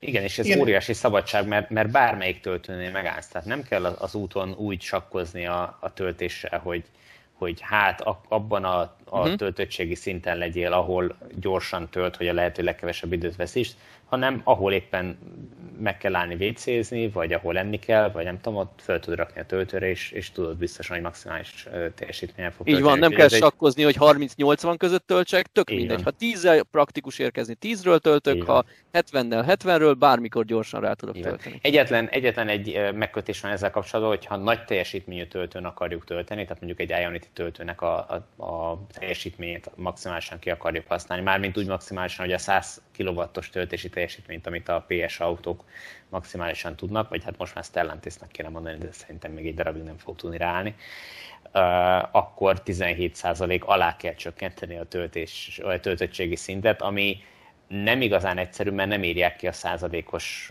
szintet, csak a, a kilométert, és abból lehet következtetni, vagy az applikáción kell figyelni. Viszont ezek az autók annyira paráztatják az embert már merüléshez közel, tehát a, a lemerült szinthez egyre közeledve, hogy szerintem nagyon kevesen merik azt bevállalni, hogy, hogy ez a rászint alá jelentősen bemenjenek. Igen, én ugye az EC4-et nem vezettem, ugye a, nálam az E2008 járt, és, és szerintem annyit azért elmondhatunk, hogy úgy egy általában ezekről az autókról, és talán ebben még a, még a korzát is bele lehetne venni, hogy, és főleg azért is talán a korzát, mert, mert azért ugye az egy jóval kisebb autó, mint, mint, mint az EC4, vagy a 208 pontosabban azt mondanám, hogy, hogy hogy azt mondom, hogy aerodinamikailag valószínűleg kevésbé, kevésbé büntet a, a nagy test az autópályán, hogy azért ezek az autók nem a leghatékonyabbak, és, és én nagyon remélem, hogy ahogy fejleszti is a PSA, vagy hát Stellantis, ahogy most már kijutotta te is ezt a, ezt a vonalat is, mert én pontosan azt láttam, hogy aki Youtube-on most néz minket, az látja, hogy itt van egy táblázat az EC4-ről, E2008-ról és a DS3 Crossback e tehát a három ilyen PSN, ilyen nagyobb építésű vagy magasabb építésű autóról, és mellette van egy Kia e-Soul. És pontosan én a koreai, koreai összevetésében mondtam azt, hogy én nagyon sokat vártam ezektől a PSA kocsiktól, mert, mert, mert ugye kicsit nagyobb az akkumulátoruk, mondjuk egy 10 vagy 20 százalékkal is akár, mint a kisakus kiáknak, vagy Hyundai-oknak, és, és akkor azt vártam, hogy hú, hát akkor ezekkel már vállalhatóbb autópálya hatótávok lesznek, csak sajnos pont annyival rosszabbul is fogyasztanak, úgyhogy, úgyhogy ha ezt, ezen sikerül kicsit még javítani a, a Stellantis csoportnak a hajtáslánc következő generációjában, mert nyilván ebbe az aerodinamika is belejátszik, de valószínűleg a hajtásláncon is lehet még faragni, akkor valószínűleg versenyerőnybe tudnak kerülni, mert, mert ugye a két standard koreai akkuméret között vannak, valószínűleg árban is közé tudnak kerülni, és, és akkor nagyobb lesz náluk a hatótáv. Igen, e, egyébként szenzációs ez a csomag, amit összeraktak, tehát hogy, hogy mennyire jól ki lett ez találva, hogy már ráépítettek négy márkát erre, meg elkezdték beleszerelni ezeket a, az akkucsomagokat, meg, meg hajtásláncot a, a kis teherautókba, meg a kis buszokba, szóval, hogy, hogy, hogy szédületes az a... Ez zseniális, ki van találva, igen. Igen, az a, az igen. a portfólió, amit így fölépítettek ebből, és ugye, bár a, a dobozos autóknál nem igazán látom ennek a, a, a rációját, hogy miért jó az nekik, hogy, hogy ennyiféle néven forgalmazzák ugyanazt az autót. A személyi autóknál nagyon jól látszik, hogy mindegyiknek teljesen egyedi külseje, egyénisége, belseje van, tehát teljesen más vevőkörrel ő nyilván a Peugeot, meg másra a Citroen, egy, megint másikra a, a DS, és egy negyedikre hát az, Opel. Az Opel. Tehát, hogy, igen, igen tehát hogy ezek, ezek nagyon jól elkülönülnek egymást, tehát ott, ott van benne ráció, és gyakorlatilag egy ilyen rendszert kifejlesztettek, amit nagy mennyiségben relatíve olcsón le tudnak gyártani, valószínűleg, és ezt építik mindenbe vele, ez így tök jó. Ami nekem kritikám van vele, hogy például mai napig nem tudjuk, hogy 47 vagy 45 kWh a kihasználható akkukapacitása az autóban. Most már Igen, inkább ez, afelé hajlok, hogy ez csak 45, nem is 47, és hogy ők, ők még mindig azzal trükköznek, ugye a korábbi Nissanhoz hasonlóan, hogy, hogy a bruttó akkukapacitást adják meg, nem azt, amit ki lehet az akkumulátorból használni, ami szerintem félrevezető és, és nem igazán korrekt. Igen, ez, ez, én is gondolkodtam mit érdekel engem, hogy mennyi a bruttója? Igen. Igen. Engem is gondolkodtam múltkor, hogy nem, árna valami, nem ártana valami EU-s szabályozás, mert ezzel nagyon sok márka játszik. Hát a Teslából is aztán kiszedni, hogy pontosan mekkora akku van a kocsikban, meg melyik verzió van éppen, meg hát ez szinte kéttelenség. Inkább városi legendákból dolgozik az ember. Úgyhogy, úgyhogy szerintem is ez, ez egy fontos dolog lenne, hogy minden gyártó a nettó elérhető kapacitást tegyen köteles eh, publikálni. És tovább megyek, hogy ha, ha télen, nyáron, tehát hőmérséklettől függően változik ez, akkor legyen a téli adat, legyen a legrosszabb adat, amit, amit ö, el lehet érni. Legyen a le, igen. Így van, és legyen például az, ö, az is, hogy az, azt az energiamennyiséget adják meg, amit nulla kilométerig vagy nulla százalékig el lehet érni. Hogyha ha van a nulla százalék után egy tartalék, akkor az ne számoljon bele a, vagy ne számolják bele ebbe, amit ők megadnak, mert hiszen azt én nem tudom kihasználni, semmi, semmi lehetőségem nincs arra a, a műszerfalon lévő adatok alapján, nem tudom megmondani, hogy a 0% alatt még, még mennyit tudok elmenni. Hát vagy csak a bátorságom múlik, igen. De azzal nem tudok számolni, azzal Ez, a legtöbb felhasználó nem tud számolni, az, az akkor ne számolódjon bele a, a, abba az adatba, amit ők megadnak, hiszen az, az nem egy kihasználható dolog. Tehát nem a fogyasztással elosztva a, a nettó akkukapacitást, azt azt adja meg, hogy hány kilométert tudok elmenni az autóval, ne az, hogy ha nullára hajtom, akkor mennyi, mert az senkit nem érdekel, senki nem akar megállni az útszélén nulla kilométerre. Mhm. Így van, maximum nulla százalékig mer az ember, vagy mondjuk egy százalékig, tehát a VLTP hatótávot, bocsánat, azt, azt nulla százalékra merülésig kell megadni. Hogy mondjuk tipikus példája a Nissan, hogy az még elmegy 10 km 0% alatt, azt tekintsük ajándéknak, akkor programozzák úgy a kijelzőt, hogy 0%-nál álljon meg, mint mondjuk a hyundai mert ott legalább azt mondom, hogy az, az így egyenes és, és nem csal. Nyilván, hogyha én elmértem magam és 0%-ra merítettem, akkor egy baromi ajándék, hogy még el tudok menni azzal az autóval, de a hétköznapokban ezt nem használom ki, egy-két, ennél sokkal egy-két fontosabb... felhasználó kivételével, aki nézi Leafs folyamatosan, hogy simán elmehetek még 10 km, de alapvetően az átlag felhasználó az nem fog, még a nullát se fogja elérni, mert parázik, tehát a többség ilyen 5-10 százalék alá sosem fog meríteni, de, de nulla alá nagyon kevesen mennek szerintem. Igen, ennél szerintem sokkal fontosabb az, hogy megbízható legyen az adat, nem? Tehát, hogy számíthassak rá, Igen, mint az, hogy pontosan. tudom, hogy itt valószínűleg még bír egy kicsit, de nem tudom mennyit, és akkor megpróbáljuk. Persze, aki, tehát mondjuk, mondjuk aki szeret, szeret kalandozni, az találja meg másra ezt az izgalmat az életében szerintem. És azért itt a PSN-nál, ha már egy apró kritikát megejtettünk így a hajt, vagy megejtettem a hajtásrend kapcsán, hogy, hogy nem a legtakarékosabb autók, azért az nekem a mai napig, és egy fontos szempont volt, ami miatt végül nem, nem bíztam magam a 2008-ra, mert az egy, nálam egy komoly jelölt volt, és nagyon, nagyon nagyon nem sokon múlott, hogy rendeljek magamnak egyet. Az pedig az volt, hogy, hogy egyszerűen nem tudod az autó éppen hány kilométer, vagy hány kilométer tehet, tehetsz még meg vele. Először is csak 10%-os ugrások, vagy 10, 10 km-es ugrások mutatja megtehető hatótávot, a legalján kezdi csak egy kilométerben. Aztán úgy volt, hogy gyakorlatilag a százalékot csak úgy tudtam előcsalni, hogyha bedugtad tölteni, vagy ha kinyitottad az ajtót, akkor mutatta, vagy a telefonos appon mutatta, de ha haladtál közben nem, csak hogy hát az. Tehát ilyen teljes idiotizmusok vannak, amivel egyszerűen nem tudsz, nem tudsz megbízni abban, amit az autó kiír, és egy ilyen lutri, arról már nem is beszél, vagy amikor, amikor és talán nem tudom, hogy változott a szoftver Tibor az EC4-ben, ezt látta, de ugye tudom, hogy még az is volt a 2008-ban, hogy amikor mondjuk én egy hosszabb autópályás setup után átmentem egy országutas részre, akkor nem az volt, hogy elkezdtek visszamászni a kilométerek, mert az autó észrevették elsőt fogyasztók, egyszerűen csak nem, mit tudom én, 30 kilométeren keresztül nem ment egy kilométert se le a, a megtehető hatótáv, ami megint csak egy olyan dolog, hogy most akkor így mit, honnan tudja, hogy mennyi a valóság? Mm. Azt hiszem, hogy az EC4-ben ez már finomodott egy kicsit, de most uh, már keverodnak benne a, bennem a gondolatok, viszont azt tudom, hogy a, a, az e-expertben már vissza is megy. Tehát amikor például Szöcskevé jöttünk visszafele Miskolcról a motorokkal, akkor Szöcske repődött meg a legjobban, hogy amikor megérkeztünk, akkor uh, többet mutatott a, a még megtehető kilométer, mint a, a, amikor lekanyarodtunk az autópályáról. Tehát az utolsó 5 kilométeren gyakorlatilag pluszba gyűjtött kilométereket, igen, mert igen, ott már sokkal 10-15 kilométert visszakaptunk.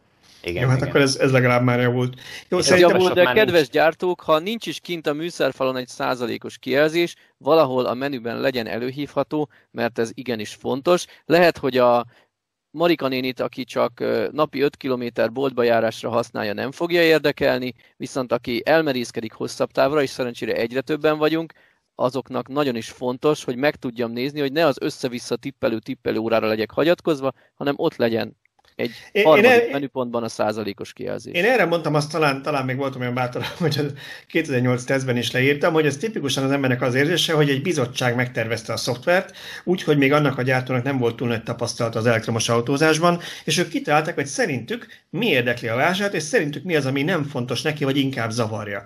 Na most én erre mondtam azt, hogy szerintem ez, ez azért is butaság, mert mindenki okostelefonokat, vagy hagyományos mobiltelefonokat használ 10-20 éve, és hozzászoktunk azt, hogy a telefonunk egy százalékban írja ki, hogy, hogy mennyi nafta van még benne, és így pontosan tudjuk, hogy nagyjából mikor fog lemerülni, úgyhogy szerintem igazán hozzászoktunk már az elektromos kütyüknél, de akár a laptopot is mondhattam volna, hogy, hogy, tud, hogy százalékban kiírja, hogy mennyi még az elérhető töltöttség. És itt azért említsük meg, hogy a Tesla is bűnösebb, tehát a, ugyan a Tesla-nál alapból ki lehet írni vele a százalékos töltöttséget, de ami nekem nagyon fáj, hogy olyat nem lehet csinálni, hogy a tippelő órája is ki legyen írva egyszerre, meg a százalékos kijelzés is ki legyen írva egyszerre. Tehát, hogy ezt a baromságot most miért nem fért el oda? Én választani kell, igen. igen. Kis akkumulátorban miért nem fért bele apró betűvel a százalék?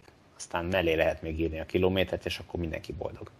Ami esetleg egyébként a százalék ellen szó, hogy most magam magunk ellen beszéljünk, hogy én eddig azt hiszem minden autóról elmondhatom, amit vezettem elektromos autót, hogy nem lineáris a skála. Tehát ha elmentem 100 kilométert 100-tól 50 százalékig, akkor nagy valószínűséggel 50-től 0-ig már nem fog tudni 100-at elmenni, csak mondjuk 80-at ahol meglepődtem most, hogy a két motor, amit teszteltem, ott mind a kettőben tök lineáris volt a skála. Igaz, emögött az is ott lehet, hogy ezek a motorok, ahogy csökken az akufeszültség, gyengült. Tehát csökkent a motorok végsebessége kis mértékben, ahogy egyre, egyre merült az akkumulátor, és lehet, hogy a lineáris skálát az eredményezte, hogy szükségszerűen csökkent a fogyasztásom, hiszen 90 helyett már csak 78-al tudtam menni, tehát nyilván kevesebbet fogyasztottam az alsó tartományban. Minden esetre nagyon jó volt, hogy, hogy tök nyugodtan hagyatkozhattam rá. Ugye nem, nem hatalmas az akku ezekben a motorokban, tehát simán viszonylag kis kapacitással értem haza, de azt tapasztaltam, hogy ha az elején két kilométer alatt 3%-ot csökkent, akkor most is 3%-nál még tervezhetek azzal, hogy két kilométer. Én, én erre azt mondom, hogy oldják meg, hogy lineáris legyen. Egyébként igen, tehát ez csak szoftver kérdése. Ha, ha én tapasztalom, hogy nem lineáris, akkor tegyenek bele egy olyan együtthatót, hogy nem tudom, egy százaléknál legyen benne egy Biztos megvan ennek a, a, a, maga technikája, tehát ez nem most kezdték el a, a litium akkumulátorokat használni, valószínűleg meg lehet ezt oldani rendesen. Viszont egy kis pozitív visszacsatolás még, bocsánat Balázs, hogy ja. érdemes beszélnünk az ilyen dolgokról, amit problémának észlelünk.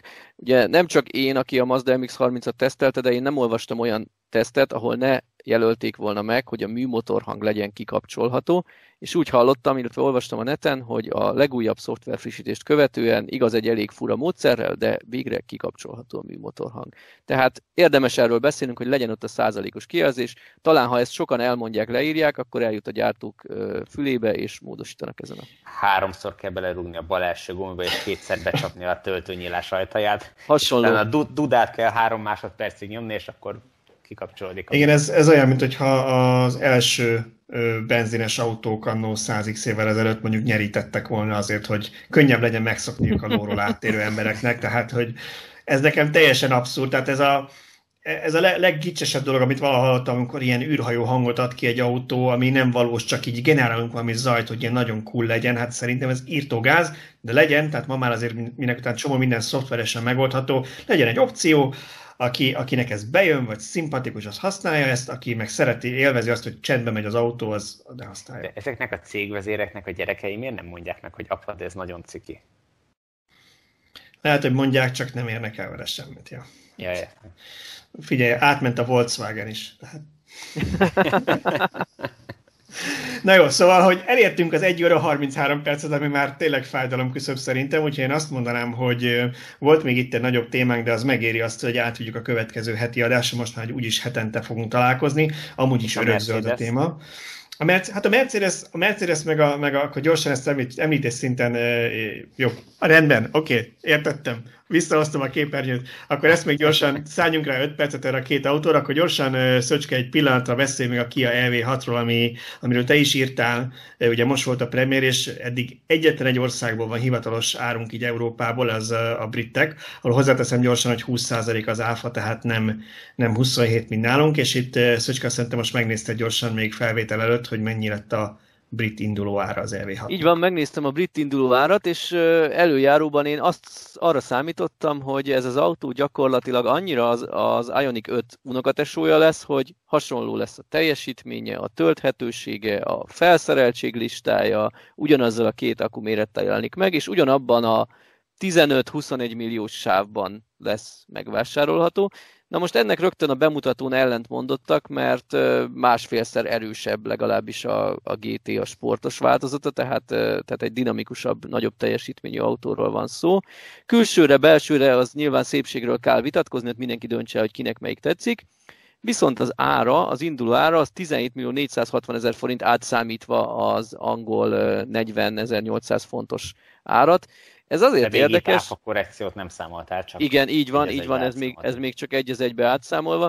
Ez azért érdekes, mert úgy tűnik, hogy egy kicsivel magasabb lesz az autó ára, mint az Ionic testvér. Bizonyos szempontból többet is nyújt, mert nagyobb teljesítményt kapunk, tehát egy kicsit sportosabb autónak pozícionálja a Hyundai koncern ezek szerint a Kia EV6-ot, bár lesz belőle egy normál EV6 modell. Minden esetre úgy tűnik, hogy egy, egy kicsivel drágább lesz a Kia, mint a Hyundai. Igen, én, én nekem, nekem például mai napig nagyon szimpatikus a Volkswagen ID sorozata, tehát nekem az idén is ilyen szempontból bejön, de, de nem tudok elmenni, amellett, hogy egy árban van ez a két autó, és persze mondtad, hogy ízlések és pofulunk, tehát ez egy annyira dögös kocsi lett az EV6. A, hát, a hátulját nekem még kicsit szokni kell ezt a pengeszerű hátsó lámpát, ezt, ezt, ezt még lehet, hogy élőben meg kéne néznem, hogy hogy, hogy is néz ki, de, de főleg... Tetszik de fő, főleg ebben a bordó színben, amit most a sajtófotókkal látjuk, meg hát nyilván ez jól van fotózva, meg ilyen olyan modern környezetben, ahonnan nem is lóg ki, tehát nem a, a kis uh, tanyasi viskó mellé tették oda, hanem egy ilyen tök modern beton üvegépület mellett néz ki, hogy egy futurisztikus kocsi, de, de szerintem eszméletlen jól néz ki, úgyhogy, úgyhogy szerintem, ha azt nézem, hogy milyen autót lehet kapni ennyi pénzért, akkor abszolút versenyképes lesz az EV6 is. Én nagyon kíváncsi vagyok ennek az autónak, illetve az összes új Hyundai Kia-nak a 400 voltos töltőkön, hiszen azok vannak elterjedve a töltési teljesítményre, mert ugye promózzák ezt a 18 perces 80% a töltéssel, ami nagyon impozáns, de ne feledjük, hogy ezt 800 volton tudja a rendszer, ami gyakorlatilag az Ionity hálózatot jelenti, ami azért persze egyre jobb Nyugat-Európa felé indulva, más bárhova el lehet jutni csak Ionity töltőket használva.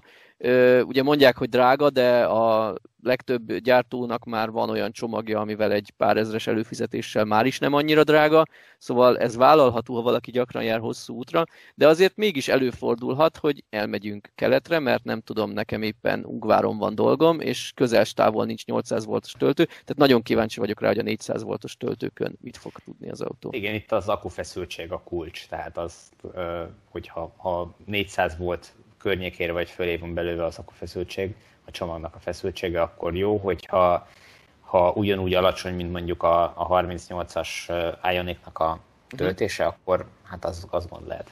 Akkor az fájdalmas lesz egy ilyen nagy akuval, nem tudom én, három Igen. órát töltögetni egy 50-es töltőn. Igen. Igen. Jó, és akkor térjünk is át az utolsó témára, amit Tibor az előbb ez a Mercedes EQS. Ne menjünk el mellette. Ugye bemutatták a Mercedesnek is a, gyakorlatilag az S sorozat, tehát az, az S-Class a legnagyobb autójának a, az új elektromos párját, inkább ugyan. Tehát ez nem a, nem a, nem a benzines alapokra építettek egy elektromos változót, hanem ez az új EQ sorozata a Mercedesnek, ami, ami már villanyosra volt eleve tervezve És nekem, ami leginkább feltűnt, és megint csak elnézést kérek azoktól, akik az audio verziót hallgatják, javasolnám, hogy nézzék meg a erről szóló cikkünket, mert ott rengeteg fotó van az autó belsejéből is.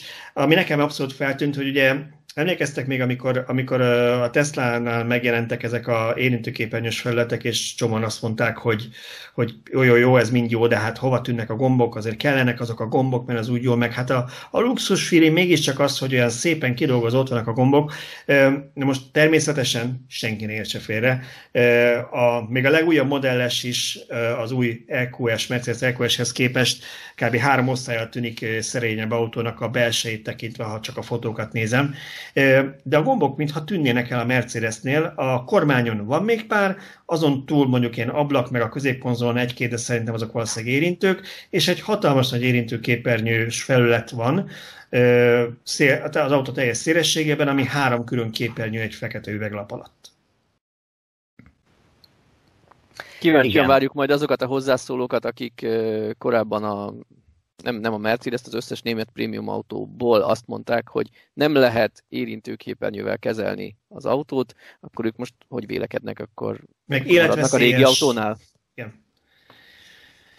Itt egy dolog van, ami még egy picit, picit, de hát ezt nyilván a Mercedesben azért nem ma kezdtek ergonomiát tervezni, amire én kíváncsi leszek, hogy ugye ez viszonylag így egy elég jó szögben meg van döntve, és picit, mintha egy távolinak tűnne, hogy így elég hosszú karnyújtásnyira érem el mondjuk a döntött érintőképernyőt, de ezt nyilván majd élőben lehet, lehet látni. Én egy dolgot hiányolok, vagy remélem, hogy pár év után eljutunk majd oda, hogy, hogyha ezek tényleg nem három külön képernyő lenne egy fekete üveglap alatt, hanem egy, egy ilyen OLED kijelzőt tudnának legalább az ennyire nagyon drága über luxus kocsikba beletenni, mert ez szerintem egy abszolút előremutató dolog lenne, és, és az, az inkább azt mutatná, hogy ez egy teljesen ilyen futurisztikus uh, design, ahol az autó egész első része gyakorlatilag egy képernyő, itt gyakorlatilag három külön képernyőt látunk most, amit hát azért alapvetően bárki meg tudna csinálni, de nyilván gyönyörűen van kidolgozva. Én nekem az a legnagyobb probléma ezzel a három külön képernyővel, és hogyha lentebb görgetünk a cikkbe, akkor látszik, hogy van ebből ilyen klasszikus verzió is, ahol nincs az, az utas előtt képernyő, hogy az utas elé ti mit raknátok? Én abszolút nem látom értelmét, és a, a Honda ebben Igen. sem láttam értelmét annak, és a Porsche-ban sem láttam értelmét a Taycanban se, hogy, hogy ezt, ezt beszéltük Szöcskével felvétel előtt, már elnézést, hogy megint kiveszéltük előre, de most akkor legalább elmondom, hogy én, én is azt mondtam, hogy engem ennél sokkal jobban fog érdekelni, hogy mit kezdenek ezzel a három képernyővel. Tehát ha csak arról van szó, mint oké, okay, ez még az is lehet, hogy csak egy ilyen komputer által generált első kép, és nem valós fotó, ezt én meg nem mondom, mert ma már túl jókat generálnak a gépek, hogy, hogy ugye jelenleg ezen a képen azt látjuk, hogy az utas előtti képernyőn ugyanaz van, mint a középső nagy képernyőn, aminek nulla értelme van. Ha tudnak olyan észre dolgokat oda tenni, mondjuk az utas, én nem tudom, a telefonját tudja tükrözni, és nagyobb képernyőn tud játszani, míg én vezetek, vagy mondjuk tud filmet nézni menet közben, ha ez a, a hatóság szerint biztonságos, hogy megbíznak benne, hogy a vezető nem oda néz, ez egy külön kérdés. Tehát ha ennek van értelme, akkor oké. Okay. Ha ez csak tükrözi a középső kijelzőt, akkor, akkor arról szól a dolog, hogy srácok, mennyi képernyő van a Tesla-ba? Kettő? Aha, a miénkben lesz három. Mondok egy nagyon durvát, szerintem legyenek ott reklámok, gondolj bele, mész a feleségeddel, és Igen, ha, veszek, veszek ha elhaladsz egy ruhabolt előtt, akkor az akciókat oda kitolja. Veszek egy 40 milliós Mercedes, mindenképpen reklámokat szeretnék kötelezően És, és hogyha 37 ér kapod meg, hogyha engedélyezed a reklámokat. Nem tudnak annyit fizetni. Nyilván sokkal többe kerül, hogyha ott online meg is veheti a, az adott termékeket. Mármint Igen, szóval ez, ez számomra még egy nagy kérdés, hogy, hogy mire lehet azt, azt értelmesen azt a felületet kihasználni. Nincs kétségem egyébként, hogyha ha ennek nekiülnének és végig gondolnák, hogy mi mindent lehet oda kirakni, akkor, akkor lehet találni uh, neki funkciót, hogy aztán ennek tényleg van olyan értelme, mint amennyibe kerül annak a beépítése, hát ez most egy másik kérdés. Uh, majd meglátjuk, hogy ezt hogy tudják értelmesen felhasználni. Hogyha ez ugye távolról frissíthető, akkor, akkor számíthatunk arra, hogy a, a következő években ez, ennek a kihasználtsága vagy használhatósága finomodik majd. A másik, ami egyfelől jó, másfelől meg még azért vannak kérdések, és nyilván ez majd csak akkor fog kiderülni, hogy ha, ha effektíve megkapjuk az autót és ki tudjuk próbálni, hogy, hogy azokat a kezelő szerveket, amiket kialakítottak ezen a felületen, azokat mennyire jól lehet használni. Mert itt nekem kicsit úgy néz ki, mintha egy olyan kezelőfelületet rajzoltak volna, ami imitálja a régi gombokat. Márpedig a, a, ugye láttuk a, a mobileszközök kezelőfelületén az evolúciót, hogy, hogy ez a flat design, meg, meg nem is tudom, material design, meg nem tudom, minek nevezik most éppen ezeket a design elveket, ahol, ahol nagyon jól, kontrasztosan látható, könnyen megérinthető gombokat csinálnak. Itt a képernyő aljára össze van zsúfolva egy csomó apró gomb, ahogy, ahogy itt nézem, most aztán lehet, hogy nem jól látszik a képernyőn, most vezetés közben anélkül, hogy oda néz, hogy ezt mennyire lehet majd jól eltalálni, és mennyire uh, lesz könnyű kezelni ezt a felületet, hát az majd egy jó kérdés lesz. És van lehet itt még jó, egy dolog, van aztán... itt még egy dolog, és lehet, hogy akkor tényleg már lassan le kell zárnunk a témát, meg az adást is, de egy apró lábjegyzet, mert sokan felvetették, hogy hó, hát 700 kilométeres hatótávot ígérnek. Most azon túl, hogy nyilván ezt már a tesztek eldöntik, hogy ez mennyire valós, abszolút lehetséges, hogy, hogy egy, egy elég nagy akkumulátort tettek ebbe az autóba, hogy ez, hogy ez egy valós adat, de azért azt nem árt megjegyezni, hogyha összehasonlítjuk más hasonló autókkal, hogy ez a VLTP szerinti hatótáv, ami tudjuk, hogy, hogy mondjuk az amerikai IP-nél mindig egy magasabb szám. Tehát ha egy összehasonlítunk különböző autókat hatótában, akkor arra mindig érdemes odafigyelni, hogy ugyanabban a kvázi mértékegységben beszéljünk, mert különben nem biztos, hogy ennek sok értelme van. Én már tudom Balázs miért mondja ezt, szintén az adás előtt beszélgettünk erről, hogy sajnos nem emlékszem melyik szájton megjelent, hogy a Tesla Model S-től hatékonyabb a Mercedes EQS, mert egységnyi akuból több kilométert megy el. Ők a VLTP adatokból és a rendelkezésre álló akkuméretekből kiszámolták, hogy, a, hogy körülbelül egy kilovattórával kisebb a fogyasztása a mérési cikluson a Mercedesnek. Azzal nem számoltak, hogy a Model S Plaid-re megadott európai VLTP adat, az valójában nem a VLTP mérus, mérés, hanem egyszerűen a EPA adat átszámítás. Igen, pontosabban nem is, nem is írják, az, a Tesla honlapján jelenleg még nincsen hivatalos VLTP adat az új frissített autókra. Igazából ezt ha jól emlékszem, hivatalosan szeptemberre ígérték az európai kiszállításokat, hogy azt látjuk, hogy az amerikai is kicsit csúszik, tehát kérdés, ez megvalósul-e. Tehát erre még van idejük. Tehát jelenleg, amit a Tesla honlapja látunk, az a hivatalos amerikai IP szabvány szerinti adat az európai honlapon is, ami nyilvánvalóan alacsonyabb szám, mint majd amit VLTP-ben látunk. Ettől függetlenül én szurkolok a Mercinek, mert tényleg nagyon áramvonalasnak tűnik, kedvező légállási együtthatót adtak meg rá, úgyhogy simán ott lehet, hogy egy hatékony hajtás nem, alatt. Nem lehetetlen, de simán, simán akár lehet, még persze. meg is verheti a Teslát. Uh-huh. Verje is, legyen versenyén, én azt mondom, hogy fogyasztóként az a legjobb, ha verseny van. Nyilván ez viszi előre. Most, hogyha Teslával gonosz akarok lenni, akkor azt mondom, hogy azért nem adták még meg az európai adatokat, várták, hogy az EQS-nek milyen adata jön ki, hogy minél kell nagyobbat hazudni. Igen, hát ezt a, ezt a Lucid Motorsnál láttuk, hogy, hogy egy-két mérfölden mindig nagyobbat írt ki a Tesla, mint amit a Lucid legújabb frissítésével láttunk. Úgyhogy ez nyilván megy itt a gyártók között a, a, a játék, aztán majd a valós tesztben meglátjuk, hogy melyik autó mennyit tud. Igen, hát ez, ez valós teszteken nagyon látszik, hogy, hogy gyakorlatilag, hogyha ha autópályáról van szó. Ugye ezek az adatok akkor hozhatók, hogyha az ember a VLTP mondjuk, mit tudom, hogyha 60-nal megy körülbelül, akkor, akkor ki lehet hozni a VLTP hatótávot, hogyha ha az, az EPA vagy EPA az meg körülbelül egy ilyen 85-90 km per órás sebességhez van folyamatosan. Ugye az nagyjából az amerikai standard autó pályasebesség, ez 55 mérföld. Hát a igen, helyen. ez államonként eltérő, de nagyjából ez az, ami, ami a legtöbb helyen, így városok környékén uh, uh, ez használható, és, és ennyivel lehet menni. De, de nyilván, hogyha ott is uh, egy cross country útra megy, akkor, uh, akkor ott, ott se tudod tartani ezt a hatótávot a, a Teslákkal, tehát ez uh, annál jóval többet fognak fogyasztani, mint amit ott megadnak, hiszen a, a forgalom tempója, üteme azért egy uh, egy interstéten sokkal nagyobb, mint amit. Igen, ezek az adatok inkább arra hasznosak, hogy, hogy egymással az autókat össze lehet hasonlítani, ha ugyanabban a mérési ciklusban lévő autókat igen. hasonlítunk össze. Igen, igen, jó esetben, mert azért azt mondják, hogy itt is vannak azért eltérések, az IPN-nek is van többféle mérési verziója. Számomra ez nem teljesen világos, hogy, hogy mikor, mikor mibe kell mérni, és mikor mi az előírás, hogy hogy kell ezt megadni. Szóval azért ott se teljesen tökéletes a rendszer, de, de, de egy nagyon picit valósabb képet ad, mint a, mint a VLTP.